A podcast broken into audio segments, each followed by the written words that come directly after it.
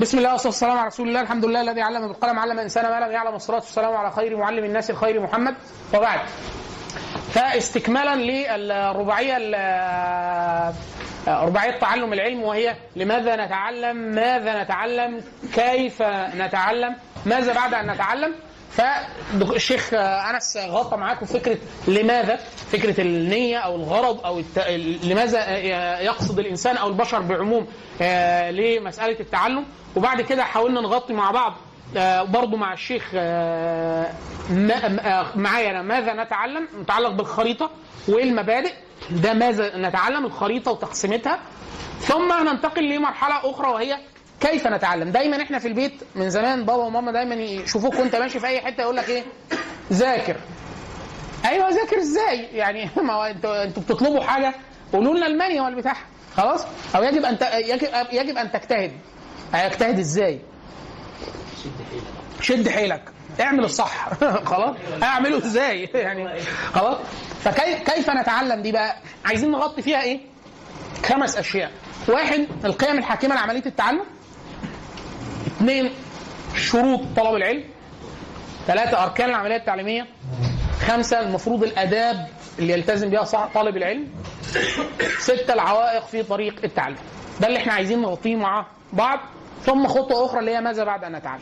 طيب إيه القيم الحاكمة اللي إحنا عايزين؟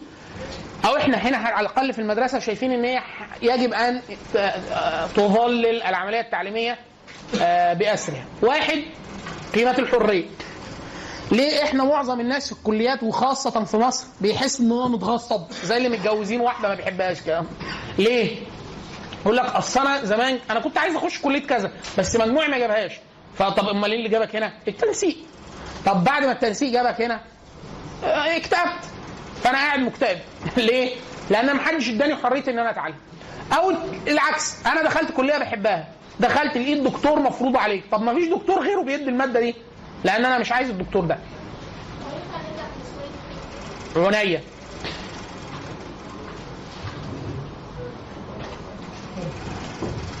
دي الحاجات اللي إحنا كنا عايزين نغطيها. القيم والشروط والأركان والعوائق والأدب. دول الخماسية اللي إحنا هنتكلم عليها حوالين كيف نتعلم يعني. خلاص؟ خد واحدة وباص لزمايلك يعني ما, ما تخليش الطبق عندك. أيوه خد واحدة لا مش كلهم ليك. وهات واحدة للمحاضر. هات واحدة. أو هات الطبق للمحاضر وخد أنت ال- بص لأخوك. يعني إيه؟ واحدة. رقم محدد تاخد واحدة وتسيب الباقي لإخواتك. خلاص؟ طيب. نرجع تاني. فواحد القيمة الأولى قيمة الحرية. زمان في مثلا جامع الجامع الأزهر مثلا أنا عايز رايح الجامع الأزهر عايز أتعلم. في حلق. كل حلقة حوالين عمود العمود ده ليه شيخ. عشان كده حتى إحنا مسمين المدرسة شيخ العمود. على الهيئة القديمة إن في شيخ ساند نفسه على عمود والطلبة جاية بتحضر له. ليه جايين له؟ هم اللي اختاروا دراسة الشيخ ده. وهم اللي درسوا الع... اختاروا العلم طبقا للسلم المعروف في العلم. ففي كام شيخ بيدرس نحو بيدرس نحو 10 8 كلهم بيدرسوا إيه؟ مستوى واحد. يعني ده بيقدم بيدرس الأجرومية وده بيدرس الأجرومية وده بيدرس المقدمة الأجرومية. أنا اختار بقى مين؟ دي حرية. دي حريتي أنا. أنا أدرس عند الشيخ اللي أنا محتاج أنا حابب إن أدرس عنده. فواحد إحنا عايزين إيه؟ واحد ان حضرتك تكون حر في اختيارك. في ناس كتير جدا هنا معانا في شيخ العمود ليهم كذا سنة فيقول لك أنا ما أعرفش. لما باجي هنا بدرس ببقى مبسوط وبكتب وبذاكر وبلخص وبتاع. لما بروح الكلية هو هو. أنا أنا في نفس الأسبوع نفسه ما ببقاش حابب اللي أنا بعمله. ليه؟ جزء منها حرية التعلم. أنت هنا جاي مورط نفسك لوحدك وتبرعت بأن أنت تدفع فلوس وتقتطع جزء من وقتك محدش غصبك فالحرية دي مديك دافع تعليمي أكبر بكتير جدا من لو أنت متغصب على الحاجة. اثنين التدرج. بعض التفسيرات لقول الله عز وجل أو قول الله عز وجل كونوا ربانيين الرباني هو من يعلم الناس بصغار العلم قبل قبل كباره. يعني حضرتك لما بتروح لواحد تقول له يا اخوان يا اخوان أنا عايز ادرس طب، عايز ادرس صيدلة، عايز ادرس هندسة، عايز ادرس تربية، عايز ادرس علم نفس، عايز ادرس علم اجتماع، اي علم من العلوم. المفروض يديك إيه؟ اكبر مرجع واهم مرجع في الفن ولا يديك حاجة بسيطة مشروحة بشكل تفصيلي جدا للمبتدئين فده المفهوم المقصود به يعلمون ال- ال- الناس العلم العلم بصغار العلم قبل كباره صغار العلم الحاجة البسيطة الواضحة ال- اللي ينفع أي حد غير متخصص يفهمها عشان كده في ناس بتتعمد الإغراب. يعني في ناس يقول لك إيه في دكاترة عندنا في الجامعة أول ما يخش لازم يتعمد. ان الناس تكره المادة ويتكلم باصطلاح مش مفهوم. طب يا ابن الناس أنت داخل تعقدنا ولا تشرح لنا؟ أعقدكم.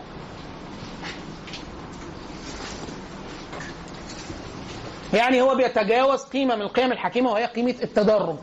يعني بيقفز لمستوى تعليمي المستوى ده غير غير مناسب أو لا يناسب الطالب اللي هو إيه جاي على هذا المستوى.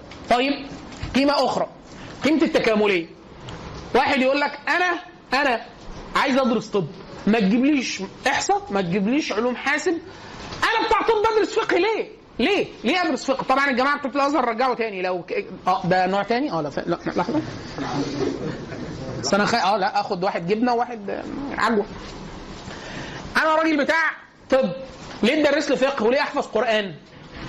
فبقول له لأن أنت في الأصل مسلم والمسلم في الأصل هدفه موجود هنا في الحياة إنه يعرف مراد الله عز وجل مراد الله عز وجل ده يتعرف عن طريق عن طريق الكتاب والسنة فتدرس كتاب ده المصدر وتدرس فقه عشان تعرف المقاصد. فده جزء فده التكاملية دي واحد يقول لك هو كتير جدا من أبهاتنا وأساتذتنا للأسف في الجامعات كان مثلا طبيب هو ماسك رواية بيقرأ رواية يقول لك أنت بتاع طب ولا تقرأ روايات وكلام فارغ؟ لا ما حضرتك الأدب ده حاجة مهمة. الأدب ده بيهذب الروح بيخلي الواحد عنده قدرة تعبيرية أفضل بيخ... كل علم ليه فوائد ضخمة جدا. كوني إن أنا بدرس طب بشكل تخصصي ده لا يمنع إن أنا أدرس نحو وصرف وإن أنا اقوي نفسي في اللغة اللاتينية وإن أنا أدرس إحصاء طبي وإن أنا أدرس تاريخ وإن أنا أدرس فلسفة وإن أنا ينفع. بعد يقول لك طب وأنت هتلاقي وقت لده؟ ما أنا مش بقول لك تخصص في الطب وتخصص في الفلسفة وتخصص في الرياضيات. ما بقولكش كده. بقول لك ادرس الحاجات اللي تك- تكمل لدى لديك الصورة العلمية بدل ما يبقى عندك صورة مجتزأة. ابن حزم الأندلسي العلامة كان يقول عامة مسائل الفن كلمة الفن يعني العلم عندهم. عامة مسائل الفن مبثوثة في غير مظانها يعني معظم المسائل في أي علم تلاقيها في غير الكتب بتاعت العلم نفسه. يعني حضرتك عايز تدرس نحو. أهم ملاحظات نحوية تلاقيها في كتب إيه؟ الفقه وكتب أصول الفقه وكتب إعراب القرآن اللي هي كتب لم توضع أصلا للنحو. طب أنا عايز أدرس طب. في حاجات مهمة جدا في الطب تلاقيها في كتب العلوم الأساسية. العلوم الأساسية يعني إيه؟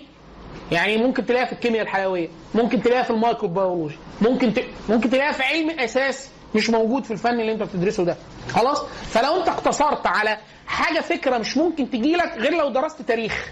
حاجة فكرة مش ممكن تجي لك غير لو درست فلسفة وهكذا. فالتكاملية ما بين العلوم دي ده, ده إحنا هنتكلم عنه في محاضرة كاملة يمكن أو جزء كبير من المحاضرة الأولى لما نلتقي إن شاء الله في مدخل العلوم الإنسانية والطبيعيه فكرة الثقافة أصحاب بيسموهم أصحاب الثقافتين أصحاب الث- الثقافات الثلاثة. آه أصحاب إحنا بنقول للناس كونوا أصحاب ثقافات أربعة.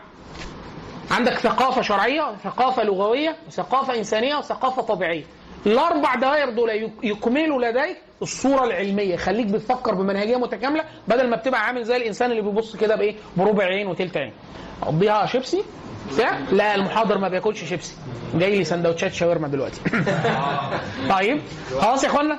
طيب فإحنا بنقول الحرية اثنين التدرج ثلاثة التكاملية. اضرب مثال دلوقتي عليها. ومثال آه، رابعا كده الشغف. لازم يبقى عندك دافع دائم للي انت بتعمله. حتى الدافع ده ان انت تشتغل وتاكل عيش. ده دافع برضه. واحد يقول لك أنا داخل الكلية دي عشان أجيب فلوس. ما ده دافع. لو ما فيش دافع مش. مش هت... مش هت... مش هتذاكر حاجة. في حي في أمريكا طلع منه كذا واحد مليونير. فعملوا دور اجتماعي قال لك إحنا نساعد الناس أصدقائنا اللي في الحي وأولاد حارتنا وأولاد مجتمعنا إن يبقوا إيه؟ مليونيرات. فعملوا يوم يعملوا نصايح مجانية للناس عشان يبقوا مليونيرات. ففي شاب اجتمع ليه في اليوم ده انه يقعد مع ثلاثة مليونيرات هيدوا له نصايح. فالأولاني قال له إيه؟ قال له إياك تشتغل في حاجة ما بتحبهاش. اللي هو فكرة الشغف. لو انت ما عندكش شغف بالحاجة اللي بتعملها هتفقد جزء كبير من الاستمتاع والإبداع والمم... والاستمرارية وغيره. فده ده الشاهد من القصة. لكن القصة لها كماله مفيدة في السكة عموما. فقال له إياك تشتغل في حاجة ما بتحبهاش. راح للمليونير الثاني قال له إياك تشتغل في حاجة بتحبها وما بتجيبلكش فلوس. لأن واحد يقول لك إيه أنا بحب الرسم أنا بحب تعليم السباحة للأطفال أنا بحب بتجيب لك فلوس؟ لا يبقى بيتك وهتس- وهتسيبها وتروح تعمل حاجة بتحبها. شوف طريقة الحاجة اللي بتحبها تجيب لك فلوس خلاص بحيث تبقى أنت بتستمتع وبتطلع فلوس تعرف. يعني إيه تعيش تكمل تبقى كائن حي نامي تنضب كده. وتاكل وتشرب وتلبس وتتجوز وكده الثالث. حاطط سبورة عليها ستارة قال له أنا كاتب لك المعادله الذهبية السحرية اللي على السبوره دي. لو حد عرفها يبقى مليونير. فقال له وريني المعادله فتح له قال له إيه الربح الصافي بيساوي الأرباح ناقص المصروفات. فقال له لا ما هو أي واحد فاتح كشك بيبقى عارف إن الربح الصافي بيساوي بيساوي. إزيك؟ عامل إيه؟ خلاص؟ فقال له لا بص على المعادله كويس أنا حاطط خطوط تحت إيه؟ فلو ليه حاطط 400 خط تحت الارباح قال له إياك تفكر تقلل مصروفاتك. زود أرباحك. فواحد يقول لك إيه؟ أنا عايز أدرس علم. خلاص؟ الكورس ده بكام؟ 10000 جنيه. ياه لا ده غالي جدا. ماخدوش انت كده فكرت ان انت تعمل إيه؟ تقلل؟ المفروض تفكر إزاي؟ شوف طريقة تجيب لك ال 10000 جنيه عشان تاخد الكورس عشان تزداد معرفة عشان تجي لك فلوس كتير وتشوف طريقة تسدد بيهم ال 10000 جنيه. اعمل جمعية. استلف. اقنع باباك ان أنتوا محتاجين 10000 جنيه دول على أمر حيوي. اقنع ماما تبيع الكردان بتاعها أو الغوشتين والسلسلة وخد الكورس اعمل استدين. عادي يقول وده ينفع هو ينفع. خلاص؟ فقال له فكر في زيادة الأرباح ما تفكرش في تقليل المصروفات. الشاهد الأساسي من القصة وان كان كلها فوائد القصة اللي هو الهدف الأول. قال له إيه؟ ما تفقدش شغفك ما تشتغلش في حاجة ما بتحبهاش. مش معناها واحد يقول لك إيه؟ طب أنا مش أنا مش عارف نفسي بحب الكلية ولا ما بحبهاش أعمل إيه؟ بطل مرقعة وذاكر. يعني آه السؤال ده اللي هو إيه؟ لا إحنا مش داخلين في فقرة اللي هو إيه؟ قال لك إيه، بتحبني ولا ما بتحبنيش؟ إحنا بنتكلم على حاجة هتستديم لكن أنت في كلية بابا بيصرف مش حمل يعني إيه؟ قال لك نقعد نتأمل لماذا عبرت الدجاجه الطريق. خلاص؟ مش ده السؤال السؤال ان انت وانت ب... دكتور الصوت مضايقكوا جوه؟ ازيك يا دكتور عامله إيه؟ خلاص؟ خلاص كده يا اخوانا؟ لو اكتشفت ان انت ما بتحبهاش وده ليه طريقة. في علم اختراع كامل اسمه والعياذ بالله اسمه التوجيه النفسي. و branch تاني اسمه الإرشاد النفسي. الاثنين دول هم اللي انت بتسألهم اللي هو مش ال life coaching و... ليه كده؟ ده الصوت كان حلو. ما هو مش الجو اللي كان حلو الصوت. التوجيه النفسي والإرشاد النفسي. هو اللي بيقول لك أنت ميولك المهنية إيه؟ أنت نمط شخصيتك إيه؟ اللي أنت بتعمله ده يتعارض تماما مع نمطك ولا لأ؟ في اختراع كده اسمه بطاريات التوجيه النفسي بطاريات ومقاييس يعني اختبارات ومقاييس نفسية ومقالات مقالات اختبارات ومقاييس نفسية. في الإرشاد النفسي تقول لك تعمل ده ولا ما تعملش ده تكمل في ده ولا ما تكملش ده. من ناحية علمية مش اللي هو إيه؟ لأ أنا مش لاقي نفسي. ليه؟ أصل أنا ما بذاكرش فبسقط فمش لاقي نفسي، لا أنت كده بتتمرقع رجعنا للخانة الأولى. يعني مش ده مش ملوش علاقة بالتوجيه النفسي ولا الارشاد النفسي، ده عايز علاج نفسي الأول. ده الخطوه الثالثه خلاص؟ لكن ده مرض بيصيب الإنسان المصري لما موسم الامتحانات بيخش. خلاص؟ آخر قيمة؟ قيمة الاحترام. قيمة الاحترام إن أنت اللي أنت بتعمله حاجة شريفة جدا. ما دام علم ومباح شرعا أو مأمور به شرعا ده ضابط مهم جدا يبقى ده حاجة محترمة وحاجه شريفة ليه؟ لأنه في الأصل هو علم شرعي يعني أنا سألت بعض الخطاطين زي الشيخ بالعيد أستاذ الخط المغربي في مدرسة الح- الحلقة المغربية بيعلموا خط لأنه علم شرعي فبيعلموه بالأسانيد يعني يعلمك حس... خط نسخ يقول لك أنت كده مسند لشيوخي في خط النسخ خط الرقعه وهذا يقول لك إيه؟ ده خط يعني ما أنتوا مكبرين الدنيا ليه؟ لا فأنا سألته كنا واخدين وفد مدرسة أطفال إحنا عاملينها فكنا بناخد جزء من المدرسة إن إحنا نودي الأطفال رحلات متنوعة في السنة بتوصل أحيانا ل 40 رحلة يروحوا أماكن تشكل شخصيته ورؤيته عن العالم وهويته وكذا. فوديناه مدرسة الخط العربي. شوف الناس قاعدة بهدوء والنبي بتمارس الخط آه، مشايخ الخط الكبار كانوا لازم يقعد على وضوء. يتوضا ويقول لك إيه؟ إحنا بنعلم الناس الخط اللي يكتبوا بيه المصاحف وبتاع وده وده خط عربي والنبي صلى الله عليه وسلم عربي وأول ما أقسم به القرآن القلم فده حاجة شريفة. فأنت لازم تتعامل باحترام مع القلم ومع البراية. أيوة اللي هي إيه يا فندم؟ البراية. الشيخ بالعيد قال لي كده قال لي إحنا لما الق- القلم بيقط بتقطع يتبري قال لي خطاطين الأتراك كانوا بيجمعوا البراية دي يحطوها فوق الب- البيوت يتبركوا بيها. فيقول لك ليه؟ يقول لك لأنه الخط ده ش... القلم ده شريف. رب العزة أقسم بيه. خلاص؟ نون والقلم. فالقلم ده شريف والقلم ده أنا بعلمه لك عشان تكتب بيه حاجة شريفة. فالحاجة اللي اتقطعت دي شريفة برضه. فما تنتهيناش كده يروى عن كثير من أهل العلم القديم كل الأحبار اللي كتب بيها. الإلامة الإلامة زمان كان يا إما حبر يا إما برايات يا إما بتاع يجمعها. وكان لما يجتمع ليه في آخر حياته يقول لهم يا إخوانا ادفنوها معايا. ليه؟ آه يستشعر بيها. ليه فكرة يقول لك أنا؟ أنا ده بذلت في طلب العلم وأنا علم. العلم اللي يرضي الله ورسوله فدي حاجة إيه؟ حاجة شريفة. خلاص؟ كما طلب من النبي صلى الله عليه وسلم لما إن هو يكفن بها أحد الناس والغريب إن هو كان منافق بس كان لم ينزل قطعا فيه في القرآن إن هو منافق ونزل بعد ذلك اللي هو عبد الله بن أبي بن سلول. فكفنوه في بردة النبي صلى الله عليه وسلم عباءه النبي صلى الله عليه وسلم يتش- يتشفع بها. خلاص؟ فالشاهد إن هو فكرة الاحترام من أول الخط للجلسة أنت تقعد إزاي يعني يروى عن الإمام أبو حنيفة إن هو كان لا يمد قدميه باتجاه بيت حماد شيخه.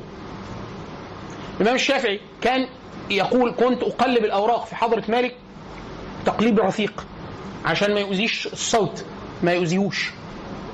خلاص؟ فكرة الاحترام الشديد ليه؟ لأنه هو كان بيعمل حاجة شريفة ويعلم إن المجلس اللي هو فيه ده مجلس ذكر يعني ده يذكر فيه الله عز وجل. لما سئل الأئمة عن مجالس الذكر قال هي مجالس الحلال والحرام. اللي أنت بتعرف فيه أحكام الله عز وجل.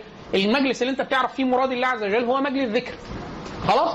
فهو المفروض عشان كده دايما يقولوا إيه؟ الحاجة دي حاليا مفقودة تماما في مجال يعني إحنا قاعدين في الكلية. واحد يقول لك بس إحنا بندرس هندسة. هذا section design يعني ممكن تبقى حاطط مايك شغل أغنية بتاع مش عارف إيه بتلعب. ليه؟ لأن انت لا حد قال لك ان ده موضع علم ولا إن هو موضع شرعي ولا إن هو محترم.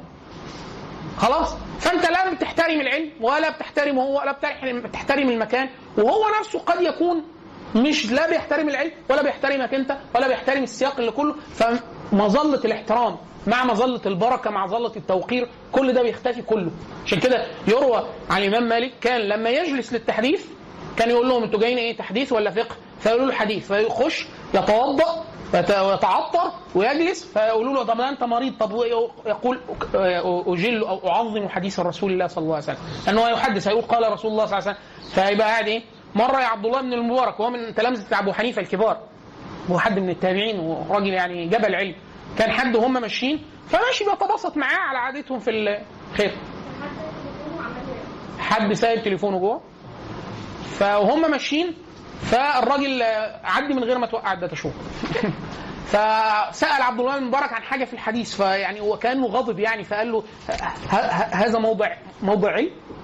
يعني إيه؟ ده ده ده ده ده, ده مكان ي- وإحنا كده ماشيين وبنتكلم وبتاع. العلم عايز احترام وجلسة وبتاع لأنه أنت بتعظم اللي أنت بتقوله. فلو هو حاجة محترمة مش هنقولها وإحنا ماشيين كده. قال له استنى لغاية ما نقعد.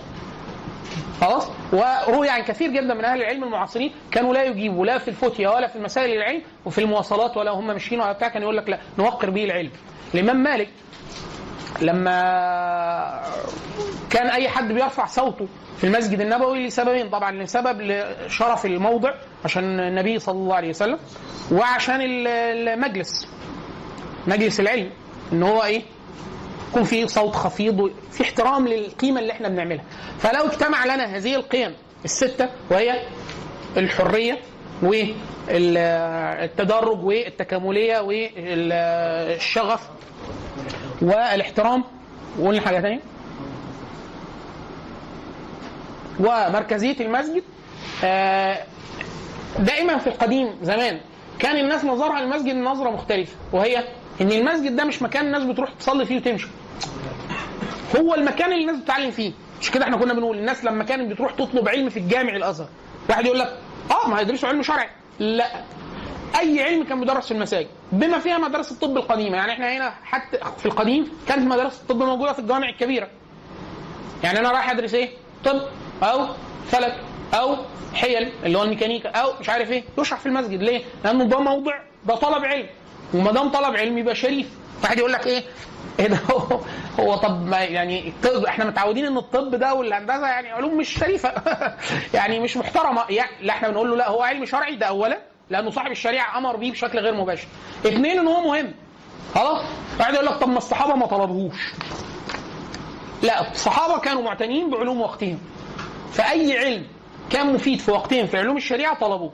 ولكن العلوم لما تشققت وتوسعت في في العصور اللي بعدهم زاد الطلب عليها فتلامذتهم وتلامذة تلامذتهم اعتبروها بهذا الاعتبار. يق- يقول الشيخ محمد سالم ولد عدود. الشيخ محمد سالم ولد عدود الله يرحمه موروتاني كان نظم مجموعة من الأبيات يقول فيها إنا من العلوم ما اشتد الوطر إليه حتى إن تركه خطر كالمقاييس الحرارة المقتبسة والكيمياء والفيزياء والهندسة. وإنما أهملها الصحابة وتابعوهم من ذوي الإصابة إذ ليس عصرهم بالافتقار لها كمثل هذه الأعصار. يقول الشيخ محمد سالم رحمه الله هو شيخ موريتاني وهو علامة فقيه. كان من أكثر الناس أهل العصر المعاصرين استيعابا للعلوم وإن كان مش مشهور في مصر. لكن هو قامة علمية ضخمة جدا. كان يقول في حق العلوم الهندسية كان يقول إنا من العلوم ما اشتد الوطر. يعني الحاجة أو الاهتمام أو ال... إنا من العلوم ما اشتد الوطر إليه. حتى إن تركه خطر. يعني تركه من الخطر بمكان في الشريعة وفي الواقع. مقاييس الحرارة المقتبسة. اللي إحنا حاليا بنسميه انتقال الحرارة وانتقال الكتلة زي ال- ال mass transfer وال heat transfer. مقاييس الحرارة المقتبسة ال thermodynamics الديناميكا الحرارية مقاييس الحرارة المقتبسة والكيمياء والفيزياء والهندسة. وهو ثم يجيب على سؤال وكأنه سئل. قالوا له طب ما الصحابة ما درسوش الكلام اللي انت بتقوله ده. فبيقول إيه؟ وإنما أهملها الصحابة وتابعوهم من ذوي الإصابة. إذ ليس عصرهم بالافتقار لها كمثل هذه الأعصار. يعني حاليا لا دلوقتي لا يقوم جهاد إلا بالهندسة. لا يقوم. جهاد إلا بالهندسة الميكانيكية والميكاترونكس وعلوم الحاسب. لا يقوم جهاد بده لا يتصور. خلاص؟ فيش منظومة هندسية مش ميكانيكية. مفيش منظومة هندسية تخلو من وحدات إلكترونية. مفيش منظومة تخلو من قواعد برمجة. مفيش منظومة تخلو من توجيه مساحي. مفيش منظومة عسكرية تخلو من ترتيبات هندسية. من شق أنفاق وستره وخرسانه وطوبولوجي ومسح أرض وكذا. فلا يتصور إن واحد بيتكلم في الجهاد ولا يتقن العلوم الهندسية. بل يتقن ذروة العلوم الهندسية لأنه دايما التطبيقات العسكرية أعلى شيء في التطبيقات المدنية. يعني انت مثلا بتبني مبنى بتوع الهندسه العسكريه بيبقوا أكتر حاجة عالية في الهندسة المدنية. بتوع الهندسه الميكانيكية. أعلى ناس بتوع الصواريخ والدبابات والمدرعات والتوجيه وهكذا. آه وانما أهملها الصحابة وتابعوهم من ذوي الإصابة إذ ليس عصرهم بالافتقار دها كمثل هذه الأعصار. خلاص وده دخل جوه الأمر الشرعي. بالكلية. من أكثر الناس توسعا في إلحاق هذه الأمور بالعلوم التكليفيه بالفرائض الكفائية. شيخ الإسلام ابن تيمية الحنبلي وله كلام شريف جدا في هذا ال- ال- الباب. فنرجع تاني. ففكرة مركزية المسجد إن كل هذه العلوم لو أنت بتدرسها في مسجد لو بتدرسها في مسجد تستشعر واقع هذا المسألة. إن إحنا قاعدين هنا في الجامع ليه؟ بندرس ميكانيكا. ليه؟ عشان هنجاهد. ليه؟ عشان ده أمر شرعي. عرفنا منين؟ من مرادات الله عز وجل. اللي بتتعرف فين؟ في المصادر والوسائل وعلوم. فأنت تلاقي السلسلة كلها مربوطة عشان الم... إحنا بنتكلم في المكان الصح بال... بالحديث الصح بالخريطة المظبوطة. تمام كده؟ يبقى إيه؟ فكرة إن المسجد بس بتتكمل للغايه بس ب... آه هو هي ما لهاش علاقة بإن هو أتعلم أو ما تاني معلش. حضرتك بتقول إن هي كده التعلم آه إحنا إحنا الست قيم اللي بنتبناهم هنا في المدرسة هو الحرية والتدرج والتكاملية والشغف واحترام المعلم ومركزية المسجد لو مثلا لو المسجد مش لا لو استطعنا في الأصل إن إحنا نتعلم جوه المساجد يعني إحنا أول ما بدأنا شيخ العمود كان كل محاضراتنا في كل العلوم داخل مساجد. ثم حيل بيننا وبين ذلك. لكن في الأصل إن هو يتعلم الناس في المساجد ده أمر شريف جدا. وكذا وكذا كانت الحضاره الإسلامية. لكن طرأت أشياء. دي وجهه نظر لا إحنا بنقول لك كيف كانت الأمور؟ الأمور كانت كده. حتى الطب كان بيدرس قديم هنا في مصر كان في المساجد. حتى حدثت علمانة العلوم. إن العلم بيه في عام وازهري يعني حضرتك كلية إيه؟ درست تجويد. اطلاقا. مش ممكن تكون درسته جوه المدارس. ليه؟ لأن أنت اتعلمت تعليم عام. التعليم العام أصلا لا يلتفت لدين المتعلم ولا أنت مطلوب تطلع إيه؟ فأنت في سنة كام درست توحيد؟ أكيد ما درستوش. أنت بتفكر ليه؟ آه فحضرنا كلنا بما إننا لو حد كلنا خريج مدارس نظام التعليم في مصر لا يهتم بإن أنت تطلع تعرف تقرأ قرآن وما ما تقرأهوش. مفيش حد فينا درس تجويد. مفيش حد فينا درس عقيدة. مفيش حد فينا درس سيرة. واحد يقول لك لا خدناها خدناها في ابتدائي. أيوه كام؟ قد إيه؟ أربع صفح. طب حضرتك درست حساب من إمتى؟ من رياض أطفال. اللي يحلو المصريين نقول عليها كي جي 2 أو كي جي 1 خلاص؟ طب يعني الحساب مهم؟ آه يعني التجويد مش مهم. هو منهج التعليم ده غير ده. فده مش مهتم كان إن هو يعلمه لك في المسجد. لكن إحنا بنقول لك في على الهيئة الأولى كانت العلوم شرعية. ونظرتها ليهم إن هي علوم شرعية. فكان بيدرسها له في المسجد. بما فيها الطب والهندسة والميكانيكا وبتاع. في واحد اسمه جورج مقدسي هو غير مسلم عامل أهم كتاب عن تاريخ العلوم والمدارس العلمية في الإسلام. كتاب مترجم عن دار مدارات لإخواننا أستاذ أحمد عبد الفتاح وغيره. كتاب اسمه نشأة الكليات جورج مقدسي. كتاب مهم جدا لو حد عايز يعرف تاريخ المدارس الإسلامية. المدارس يعني مدارس الكليات والجامعات. إحنا كنا داخل الحضارة العربية الإسلامية بنتعلم العلم. ليه؟ وإزاي وأوروبا استفادت من ده إزاي وإمتى؟ جورج مقدسي. هو يعني راجل محترف تاريخ. هو طبعا تخصصه الأساسي في الفقه الحنبلي. في تاريخ المذهب الحنبلي وفقه. أهم كتب اتكتبت على الإطلاق عن تاريخ المذهب الحنبلي كتبها جورج مقدسي. غير مسلم. غير مسلم. آه هو مسيحي. لكن هو لا لا غير مسلم. أجنبي هو. من كتبه المهمة جدا هو طبعا ليه كتاب اسمه الإسلام الحنبلي وليه كتب كتاب عن ابن عقيل العلامة الحنبلي وليه كتاب عن نشأة الكليات إحنا يهمنا كتاب نشأة الكليات نشأة الكليات اللي هو التاريخ للحالة العلمية داخل الحضارة العربية الإسلامية كان شكلها إيه؟ هو مرجع حتى الآن يعتبر أهم مرجع على الإطلاق. اتكتب طبعا اتكتب عن كتير جدا عن تاريخ ال- المدارس والتعليم في العالم الإسلامي والحضارة الإسلامية. هو أهم كتاب على الإطلاق. خلاص؟ ومترجم ترجمة كويسة مخدومة في دار مدارات. هو طبعا طبع قديما في جامعة الإمام محمد بن سعود وكانت طبعتهم أكثر دقة لأن كان فيها فارس فنية ممتازة وبتاع لكن الطبعة غير متوفرة للأسف. اللي موجودة وبتباع في الأسواق وكذا آه، نشأة الكليات طبعة دار مدارات. طيب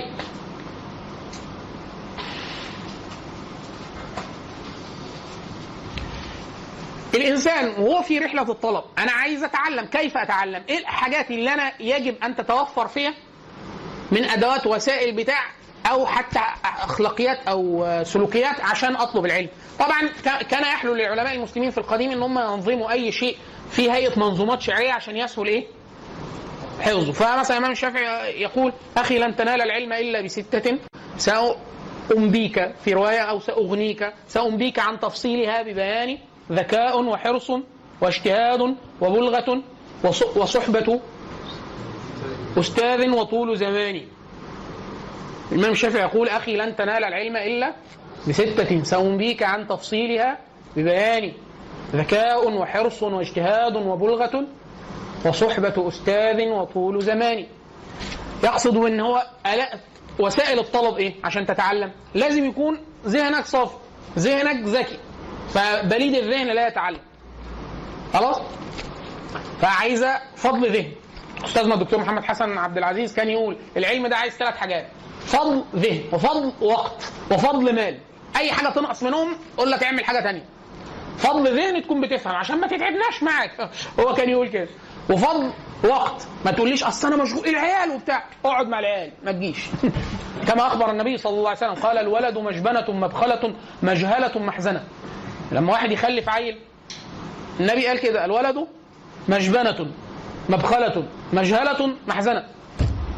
مجبنه خليك تجبن عن قول الحق وعن الجهاد. يقول لك ربي عيالك ولا انت عايز تفقدهم يا شيخ؟ فانت بتربي عيالك وتسكت. فقول الحق عن الجهاد. تقول طب وايه افرض أنا جاهدت وقتلت مين يربي العيال؟ طب مين؟ وكأن اللي خلقك وخلقهم مش هيعرف يربيهم فيقطع عنك السكة دي. العيل الولد. فالولد مجبنه مبخلة. اللي يعوزه البيت يحرم على الجامع. فيقول لك أتصدق بدول ولا أشتري بيهم كتب ولا أجيب بامبرز؟ لا أجيب بامبرز. خلاص. طب ولا مش عارف إيه فالعيل يخليك تبخل تبخ- تبخل في الصدقة وفي طلب العلم أو في الشراء الحاجات اللي تخليك تتعلم. مجبنة مبخلة مج... م- مجبنة مبخلة مجهلة بدل ما تطلب تطلب العلم في أوقات طويلة وكذا تبقى وراء زي الأمهات. تبقى طالبه علم ولا بتشتغل ولا حتى في الكلية. لو اتجوزت وخلفت حملت والواد والرضاعة ولو هترضع طبيعي وبتاع يقطع ده. فقعد يقول لك إيه؟ خلاص ما تخلفش. لا تخلف. لأنه ده أوجب. ده أهم. لكن الشاهد إن الطفل بيعمل كده. النبي صلى الله عليه وسلم ما قالش إن ده حلو ولا وحش. في حاجات توصيف. فمنها مجهله يخليك ما تتعلمش. ما ادكش الوقت للتعلم. أخيرا محزنة. إذا أصيب ولا اتزحلق ولا الواد زميله كل منه سندوتش ولا ضربه ولا قدر الله توفي أو كذا يدخل الحزن على قلب أبيه وأمه. خلاص؟ فذكاء وحرص اللي هو إحنا بنسميه إيه الجلد. الجلد آه واحد يقول لك إيه؟ لا أنا بحاول أفهمها ما عرفتش أفهمها. خلاص مرة واثنين مرتين بس؟ آه ومش هتحاول تاني؟ لا. خلاص؟ يعني انت يئست كده؟ لا. فهو عايز حرص وعايز طول طول أمل وجلد طويل وكذا. اجتهاد تبذل الغاية. بعد يقول لك إيه؟ يعني ما ما مدي الوقت ثلاث ساعات أربع ساعات. لا. العلم إن لم تؤتيه إن لم تعطيه كلك. لم يؤتيك لم يعطيك بعضه. يعني لازم بكل اهتمامك الاجتهاد. الاجتهاد هو بذل الوسع الغاية. وبلغة. طبعا بلغة مش بلغة ما يتبلغ به الإنسان. ما يتبلغ به الإنسان يعني يبلغك غايتك. يعني البلغة مش الحذاء أعزكم الله. فالبلغة هي إيه؟ إن أنت معاك معاك قدر ما من الفلوس وال... عشان تاكل وتشرب وتسافر وتجيب كتب وبتاع. مفيش بلغة لن تبلغ الغاية. فالذكاء وحرص واجتهاد وبلغة وصحبة أستاذ. من غير أستاذ هتلبس في الحيطة.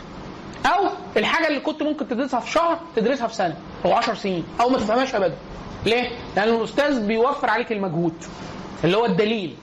خلاص؟ انت حاليا في وظيفة اسمها المرشد الأكاديمي. تقول له أعمل دي ولا دي آخد المادة دي ولا ما آخدش؟ أغير أسيب الكلية ولا ما أسيبهاش؟ وهكذا وطول زمان. واحد يقول لك إيه؟ عايز أتعلم يعني أبقى فقيه في سنة كده. شوفوا أنتوا. يعني ف... فاحنا قلنا إيه؟ قاعدة ال 10000 ساعة عشان تبقى expert في حاجة أو خبير. عايزة وقت. 10000 ساعة على الأقل خمس سنين. على الأقل خمس سنين عشان تبقى expert في حاجة. فهتبقى حاجة محترمة عايزة وقت. عشان كده إحنا بنقول للناس يبقى يبقى دكتور ويفتح عيادة ياخد كام سنة؟ فيقول لك ست سنين طب أساسي. سنة امتياز.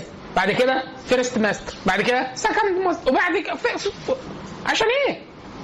يعمل عيادة. 14 سنة خدمة في الطب. عشان يعمل عيادة. في 14 ف- وكذا بقية العلوم. خلاص؟ فواحد يقول لك إيه؟ أنا درست في الأزهر سنتين قول لي أنت بس المسألة هقولها لك. ف أي كلام. في الهندسة نفس الحكاية. وهكذا واحد في ثالثه طب يقول لك أنا في ثالثه طب وأنا أنا دك... بتكلم دكتور دلوقتي. هو على طبعا لأ مفيش كده. خلاص؟ في بعض الناس بي- بيصوغوا هذه ال- ال- العبارات برضو بطرق أخرى وبيضيفوا عليها قيم أخرى. مثال في ناس يقولوا إيه؟ شرط العلم. شيخ فتاح. شيخ يفتح لك مغاليق العلوم الحاجات المغلقه عليك. لأنه الشيخ أحيانا بيوفر عليك حاجات. أنت لما يجوا تاخدوا كورس في ك- كلية تلاقي لو هو محترف الدكتور يقول لك إحنا هناخد أول ثلاث شباتر من الحاجة ده. وهنروح نجيب فصل من حتة كذا ونروح نراجع من... لو أنت مسكت الكتاب ورا بعض تحس عند حتة وقفت مش عارف. هو من الخبره الطويله عارف إن الثلاث شباتر دول أسهل حاجة في الكتاب ده. وبعد كده نروح إيه؟ ناخد أمثلة من كتاب تاني. وبعد كده نرجع مش عارف إيه. وبعد كده نراجع حاجة كنا خدناها قبل كده لأنه اكتشف إن الطلبة بتكون وهكذا. فالأستاذ بيعمل إيه؟ بيفتح المغلق. يقول لك شيخ شيخ شروط العلم. يقول لك شيخ فتاح. وكت وذهن وذهن رجاح لو في شيخ فتاح وأنت ما بتفهمش برضه مش هتفرق. خلاص؟ فشيخ فتاح وذهن رجاح وكتب صحاح. لازم يكون الكتاب اللي أنت هتدرس فيه كتاب محترم مخدوم هو المعتمد في الفن ونسخة محترمة. واحد هيجيب كتاب فيه تصحيفات ومش متشكل وهو مش متخرج وحاجة طين يقول لك أنا أقرأ من ده. فتلاقي كتير جدا الناس. إحنا في الغالب حتى دوروا ورانا وإحنا بنكلمكم. معظم الكتب اللي بنحيل عليها هتلاقينا قلنا اسم الكتاب واسم المؤلف واسم الطبعة. واحد يقول لك ليه اسم الطبعة؟ لأن في طبعات مش معتمدة ووحشة وفيها تصحيفات وفيها أخطاء وفيها حاجات واقعة. أي كتاب علمي كده. فيبقى عايزين شيخ شيخ فتاح عقل الرجاح كتب صحاح مداومة وإلحاح. لازم يكون عندك مثابرة وجلد و... خلاص كما أخبرت. ودعاء وانطراح. كل ده من غير التجاء إلى الله عز وجل وتوفيق من الله عز وجل ولا حاجة. ولا حاجة. عشان كده هي العبارة بتاعت ليه لا حول ولا قوة إلا بالله كنز من كنوز الجنة. لأن بتفهمك حقيقة مسلمة بها شرعية. إن أنت لا حول لك ولا قوة إلا بالله. ولا حول ولا قوة لأي حاجة في الكون إلا بالله. فما فيش حاجة بتضر ولا بتنفع ولا بتأذي سواء هي جمادات تبدو لك إن هي جمادات أو حاجة حية تبدو لك انها حية أو أي حاجة إلا بحول الله وقوته فقط. فأنت أقول لك إيه؟ فهمتها؟ لا ما فهمتهاش. ربنا وفقك إن أنت تفهم. والدليل إن إحنا أحيانا بنقف قدام حاجة في الامتحان بنبقى هنبيض. والله العظيم كنت بفهم وحليت مسائل أصعب من كده. أول ما تطلع بره ما يسحبوا الورقة تفهمها. ليه؟ عشان تعرف إن هو لا حول ولا قوة إلا بالله. بيقول لك لولا الزلل الزلل والخطأ خطأ بني آدم لادعى الإنسان الألوهية. يقول لك عملتها. طب هي قدامك. عشان كده في دكاترة تلاقيه شاطر قوي ويغلط. واحد يقول لك طب غلط إزاي؟ هو يقول لك أنا ما أعرفش. حاجة بديهية لو عيل صغير يعرف ميكانيكي محترف هو متصور جايبها من دماغه. أو طالب يقول لك أنا كل المسائل بحلها. تيجي له مسألة أبسط ما ممكن غلط يغلط في الحساب يغلط في الضرب يغلط في الاسم ما يحولش وحدات ينسى نظام الآلة عامله على حاجة تانية يلبسه في الح... حاجة يعني بحيث إيه؟ يعرف إن هو لا حول ولا قوة إلا بالله. الشيخ عصام عصام البشير كان صاغ هذه العبارة كعادة أهل العلم في بعض الأبيات يقول ألات علم ألات علم أربع فصاح. ألات علم أربع فصاح عقل رجيح كتب صحاح ثم مات شيخ معه المفتاح وبعد إلحاح كذا انطراح. يقول الشيخ مرة أخرى آلات علم أربع فصاح يعني فصيحة واضحة. آلات علم أربع فصاح عقل رجيح كتب صحاح. ثم مات شيخ معه المفتاح. ثم مات. ثم يعني بعد ذلك. ثم لا. ثم شيخ معه المفتاح وبعد إلحاح كذا انطراح. إلحاح اللي هو الطلب الجلد والاستمرار وكذا وانطراح. والانطراح اللي هو الدعاء والانطراح على عتبة الله عز وجل إن هو يلهمك فهم وتوفيق وكذا. لأنه لو لو يلهمك هتقعد إيه؟ زي الطوبه مش هتفهم حاجة. الانكى من كده عصام البشير. أستاذ اللغة العربية. و في حاجة أدق من فكرة إن أنت تفهم أو ما تفهمش. لا حول ولا قوة إلا بالمعنى العام. أنت أصلا خلاياك ما بتتحركش غير بحول الله وقوته. يعني أنت كل حاجة في جسمك دي المفاجأة. أو لو حد هنا دارس طب أو مايكروبيولوجي أو كيمياء حيوية يقول لك إن أنت أصلا عند تفتيتك للجانب الفيزيائي ذرات. وللجانب الحيوي طبعا الخلية دي وحدة كبيرة جدا. طبعا الخلية مش هي آخرنا. تحت الخلية حاجات كتيره جدا. بتوع الكيمياء الحيويه يقول لك شايف الخلية دي مصنع. ويقعد يفتت لك تحت. الحاجات دي كلها وهي بتتحرك. المفاجأة إن هي لا إرادية يعني أنت ما بتتدخلش فيها. فعشان أنت تصحى لو أنت حد في هنا ليه خلفية طبية أو درس أي حاجة عن الج- الج- الجهاز العصبي بتاعنا. إحنا ما بنعرفش نتكلم ولا ندرك ولا نحس ولا نشم ولا الخلايا تكلم بعضها ولا ننمو نمو طبيعي. إلا بقدر في قدر من المصادفه لا يمكن لا يمكن يتحقق إلا لو في قيوم على هذا الكون. إن الخلايا دي ما تكونش كل خلايا اللي تروح لوحدها. ولا إن هي ما تنموش نمو سرطاني ولا إن الحاجات نسبها ما تقلش فيجي لك أصلا تشوه فتتولد مشوه أصلا. فما تدركش وما تسمعش وما تتكلمش. بالها إن أنت تفهم بالها إن أنت تنتج بالها إن أنت تحل أي حاجة. لا حول ولا قوة إلا بالله بالمعنى الدقيق. لو أنت فتتها لكل العلوم. عشان كده الامام الغزالي يمكن هنجيب له نقل في أول محاضرة إن شاء الله في مدخل العلوم الإنسانية والطبيعية. يقول أصلا طلب العلم حاليا إما به مهنة أو للتطاول على الخلق أو كذا بالرغم إن الغرض الأساسي من علم الطب المفروض يكون إيه؟ الاطلاع على بديع صنع صنع الخالق. عشان تعرف ربنا خلقك إزاي عشان ما تتنططش في الكون ده وتعرف إن أنت كل حاجتك اللي أنت فرحان بيها دي يا إما من الناحيه الفيزيائيه المحضة ذرات وعند الفيزيائيين المحدثين إن دي فيها قدر كبير جدا من الاحتمالية. يعني الإلكترونات إن هي تسلك هذا السلوك ده مش مش مش 100% لو حد فيكم درس يعرف حاجة عن فيزياء الكم أو يعرف إن في احتمال يسلك هذا السلوك أو ما يسلكش. طب وأنا إيه اللي مخليني متستبقي قاعد كده موجود ما بتشتتش؟ أو ردوا للجانب الحيوي خلايا وبروتينز وهيدرو كل ده عشان يعملوا العملية. أي خلل أي خلل على أصغر وحدة يخليك تتبعثر يا إما يجيلك سرطان يا إما كل ما حواسك تقف يا إما ادراكاتك تقف يا إما يبقى جسمك سليم تماما بس ما بتقدرش تعمل الوظائف الوظائف العقلية والمعرفية. عشان كده لا حول ولا قوة إلا بالله. فهو الشيخ مرة أخيرة يقول آلات علم أربع فصاح؟ عقل رجيح كتب صحاح. ثم شيخ معه المفتاح وبعد إلحاح كذا انطراح. إن أنت لو لم تنطرح وتتذلل لله عز وجل بالدعاء والتقوى وطلب الفهم لن تفهم. ولو الحاجة قدامك وجابوا لك مليون واحد يشرحها طيب. الله أكبر الله أكبر. العملية التعليمية دي على عكس ما يبدو لكثير من الناس هي مش وحدة واحدة. يقول لك أنا جايب لك أحسن أستاذ في الدنيا في المادة دي ما تفرقش لأنه مش الركن الوحيد هو أحد الأركان. طيب جايب لك ولد بيشرب ولد بيفهم كويس جدا وأستاذ ممتاز جدا. برضه في أركان ناقصة. جايب لك أحسن كتاب وأحسن أستاذ وأحسن تلميذ ولم نفسك. برضه ناقص فيه أركان تانية. إيه الأركان؟ عايزين منهج. بعد ما درسنا الكتاب ده إحنا ليه بندرسه؟ هيودينا فين؟ فين الحاجات اللي تكمله؟ منهج متكامل مش مجرد مقرر ولا كتاب ولا بتاع، فاحنا وعايزين كمان إيه؟ مناخ المناخ التعليمي لازم يكون صالح.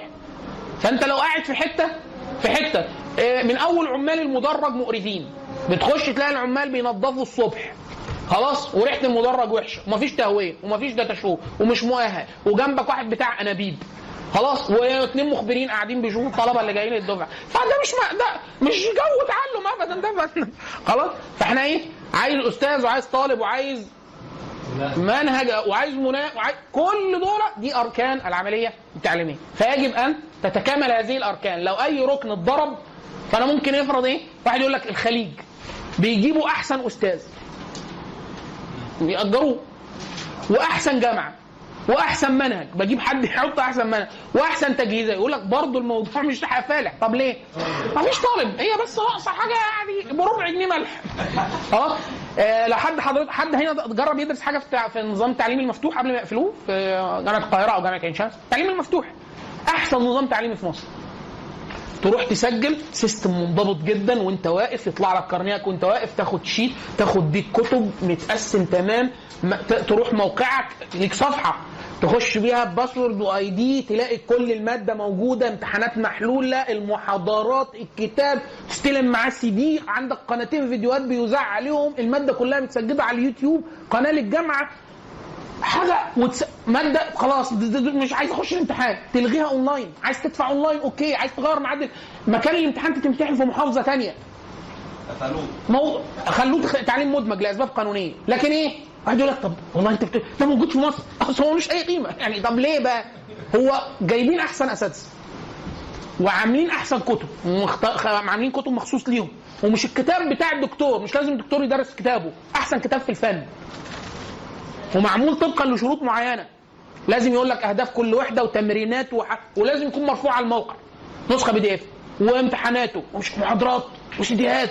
وفيديو طب إيه اللي والله ما بيبدأش مش في الطالب بس. يعني ما موضوع الطالب.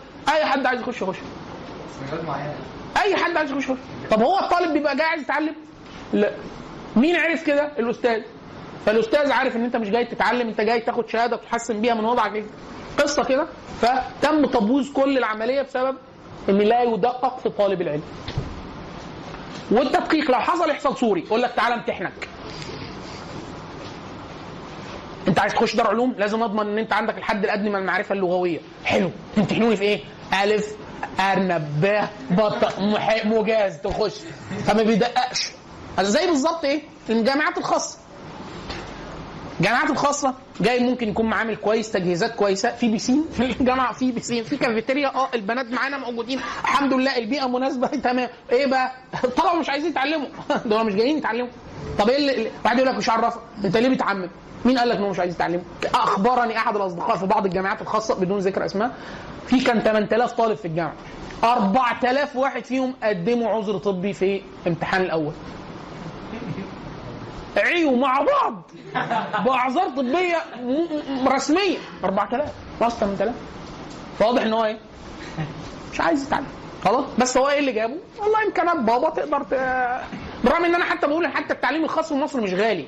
يعني واحد يقول لك انت عارف الطالب بياخد بيدفع كام؟ كام؟ لا. 90000 جنيه في السنة. بس. بس. ده أنا أعرف حضانات بتاخد 35000 جنيه في السنة. حضانة. ليه؟ عشان هتعلم حاجة صح، واحد يقول لك بس ده كتير، مش حاجة اسمها كتير، كتير بالنسبة لإيه؟ فلو أنا مثلا في الجامعة الأمريكية بدفع 300000 جنيه واحد يقول لا ده كتير قوي، يا ابني بالنسبة لإيه؟ ما ده ما فيش فيش رقم مطلقا، زي ما أقول لك مليون جنيه، يا هو إيه اللي يا؟ ما في مليار، يا يا ابني هنشتري بيه إيه؟ فلو لو قلت لك في عربية بمليار جنيه، لا مبالغة مبالغة لو قلت لك في عربية 100000 إيه دي فين دي؟ في فين العربية 100000 دي؟ خلاص وهكذا مفيش رقم مطلقا قوي ولا رقم ضعيف هو بيتعمل بإيه؟ فلو قلت لك أنا هعلمك في الشهر ب 100000 جنيه وقلت لك حاجات تكافئ ال 100000 جنيه يبقى مش كتير. ولو قلت لك حاجة بربع جنيه وانت بتدفع فيها 2 جنيه يبقى ال 2 جنيه ده كتير جدا. لأنه هيبقى أضعاف مضاعفة للقيمة الحقيقية. وهكذا. خلاص كده يا إخوانا؟ فيبقى إحنا إيه؟ آه، القيم الحاكمة الستة اللي إحنا قلناهم الحريه والتدرج والشغف ال احترام ال- المعلم ومركزية ال- المسجد والأركان الخمسة اللي إحنا قلناهم. طيب جزء من الحاجات اللي هي بتهمل بالكلية.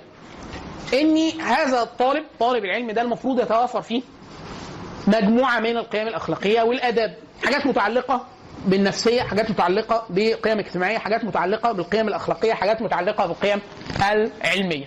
أمثلة. دايما يقولوا إيه؟ لا يطلب العلم لا مستحي ولا مستكبر.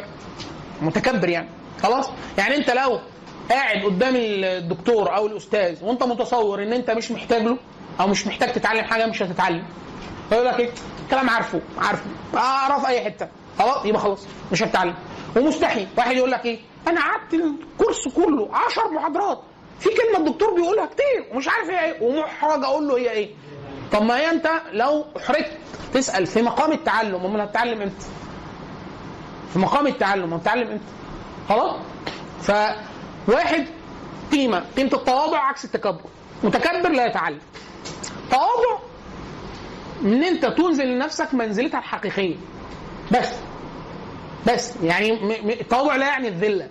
إن أنت في واحد يقول لك إيه؟ لأ ده إحنا المفروض يعني الدكتور ده إحنا نمشي وراه. لأ. ولا الأستاذ لأ ده هو المفروض ما يقبلش كده. خلاص؟ في فرق بين الاحترام وفي فرق بين التذلل المنهي عنه شرعا. النبي صلى الله عليه وسلم نهى أصحابه إن هم يقفوا ليه. عن عند- الدخول. أنا داخل مع الصحابه يقول لك كنا نفسنا نقوم له بس هو لولا ان إحنا عارفين إن هو بيكره كده. أول ما النبي يدخل عليهم ما يقفوا ما يقفوش. يدخل يقعد يقعد معاهم. ليه؟ النبي صلى الله عليه وسلم نهى أن يقوم الناس لرجل يعني إيه؟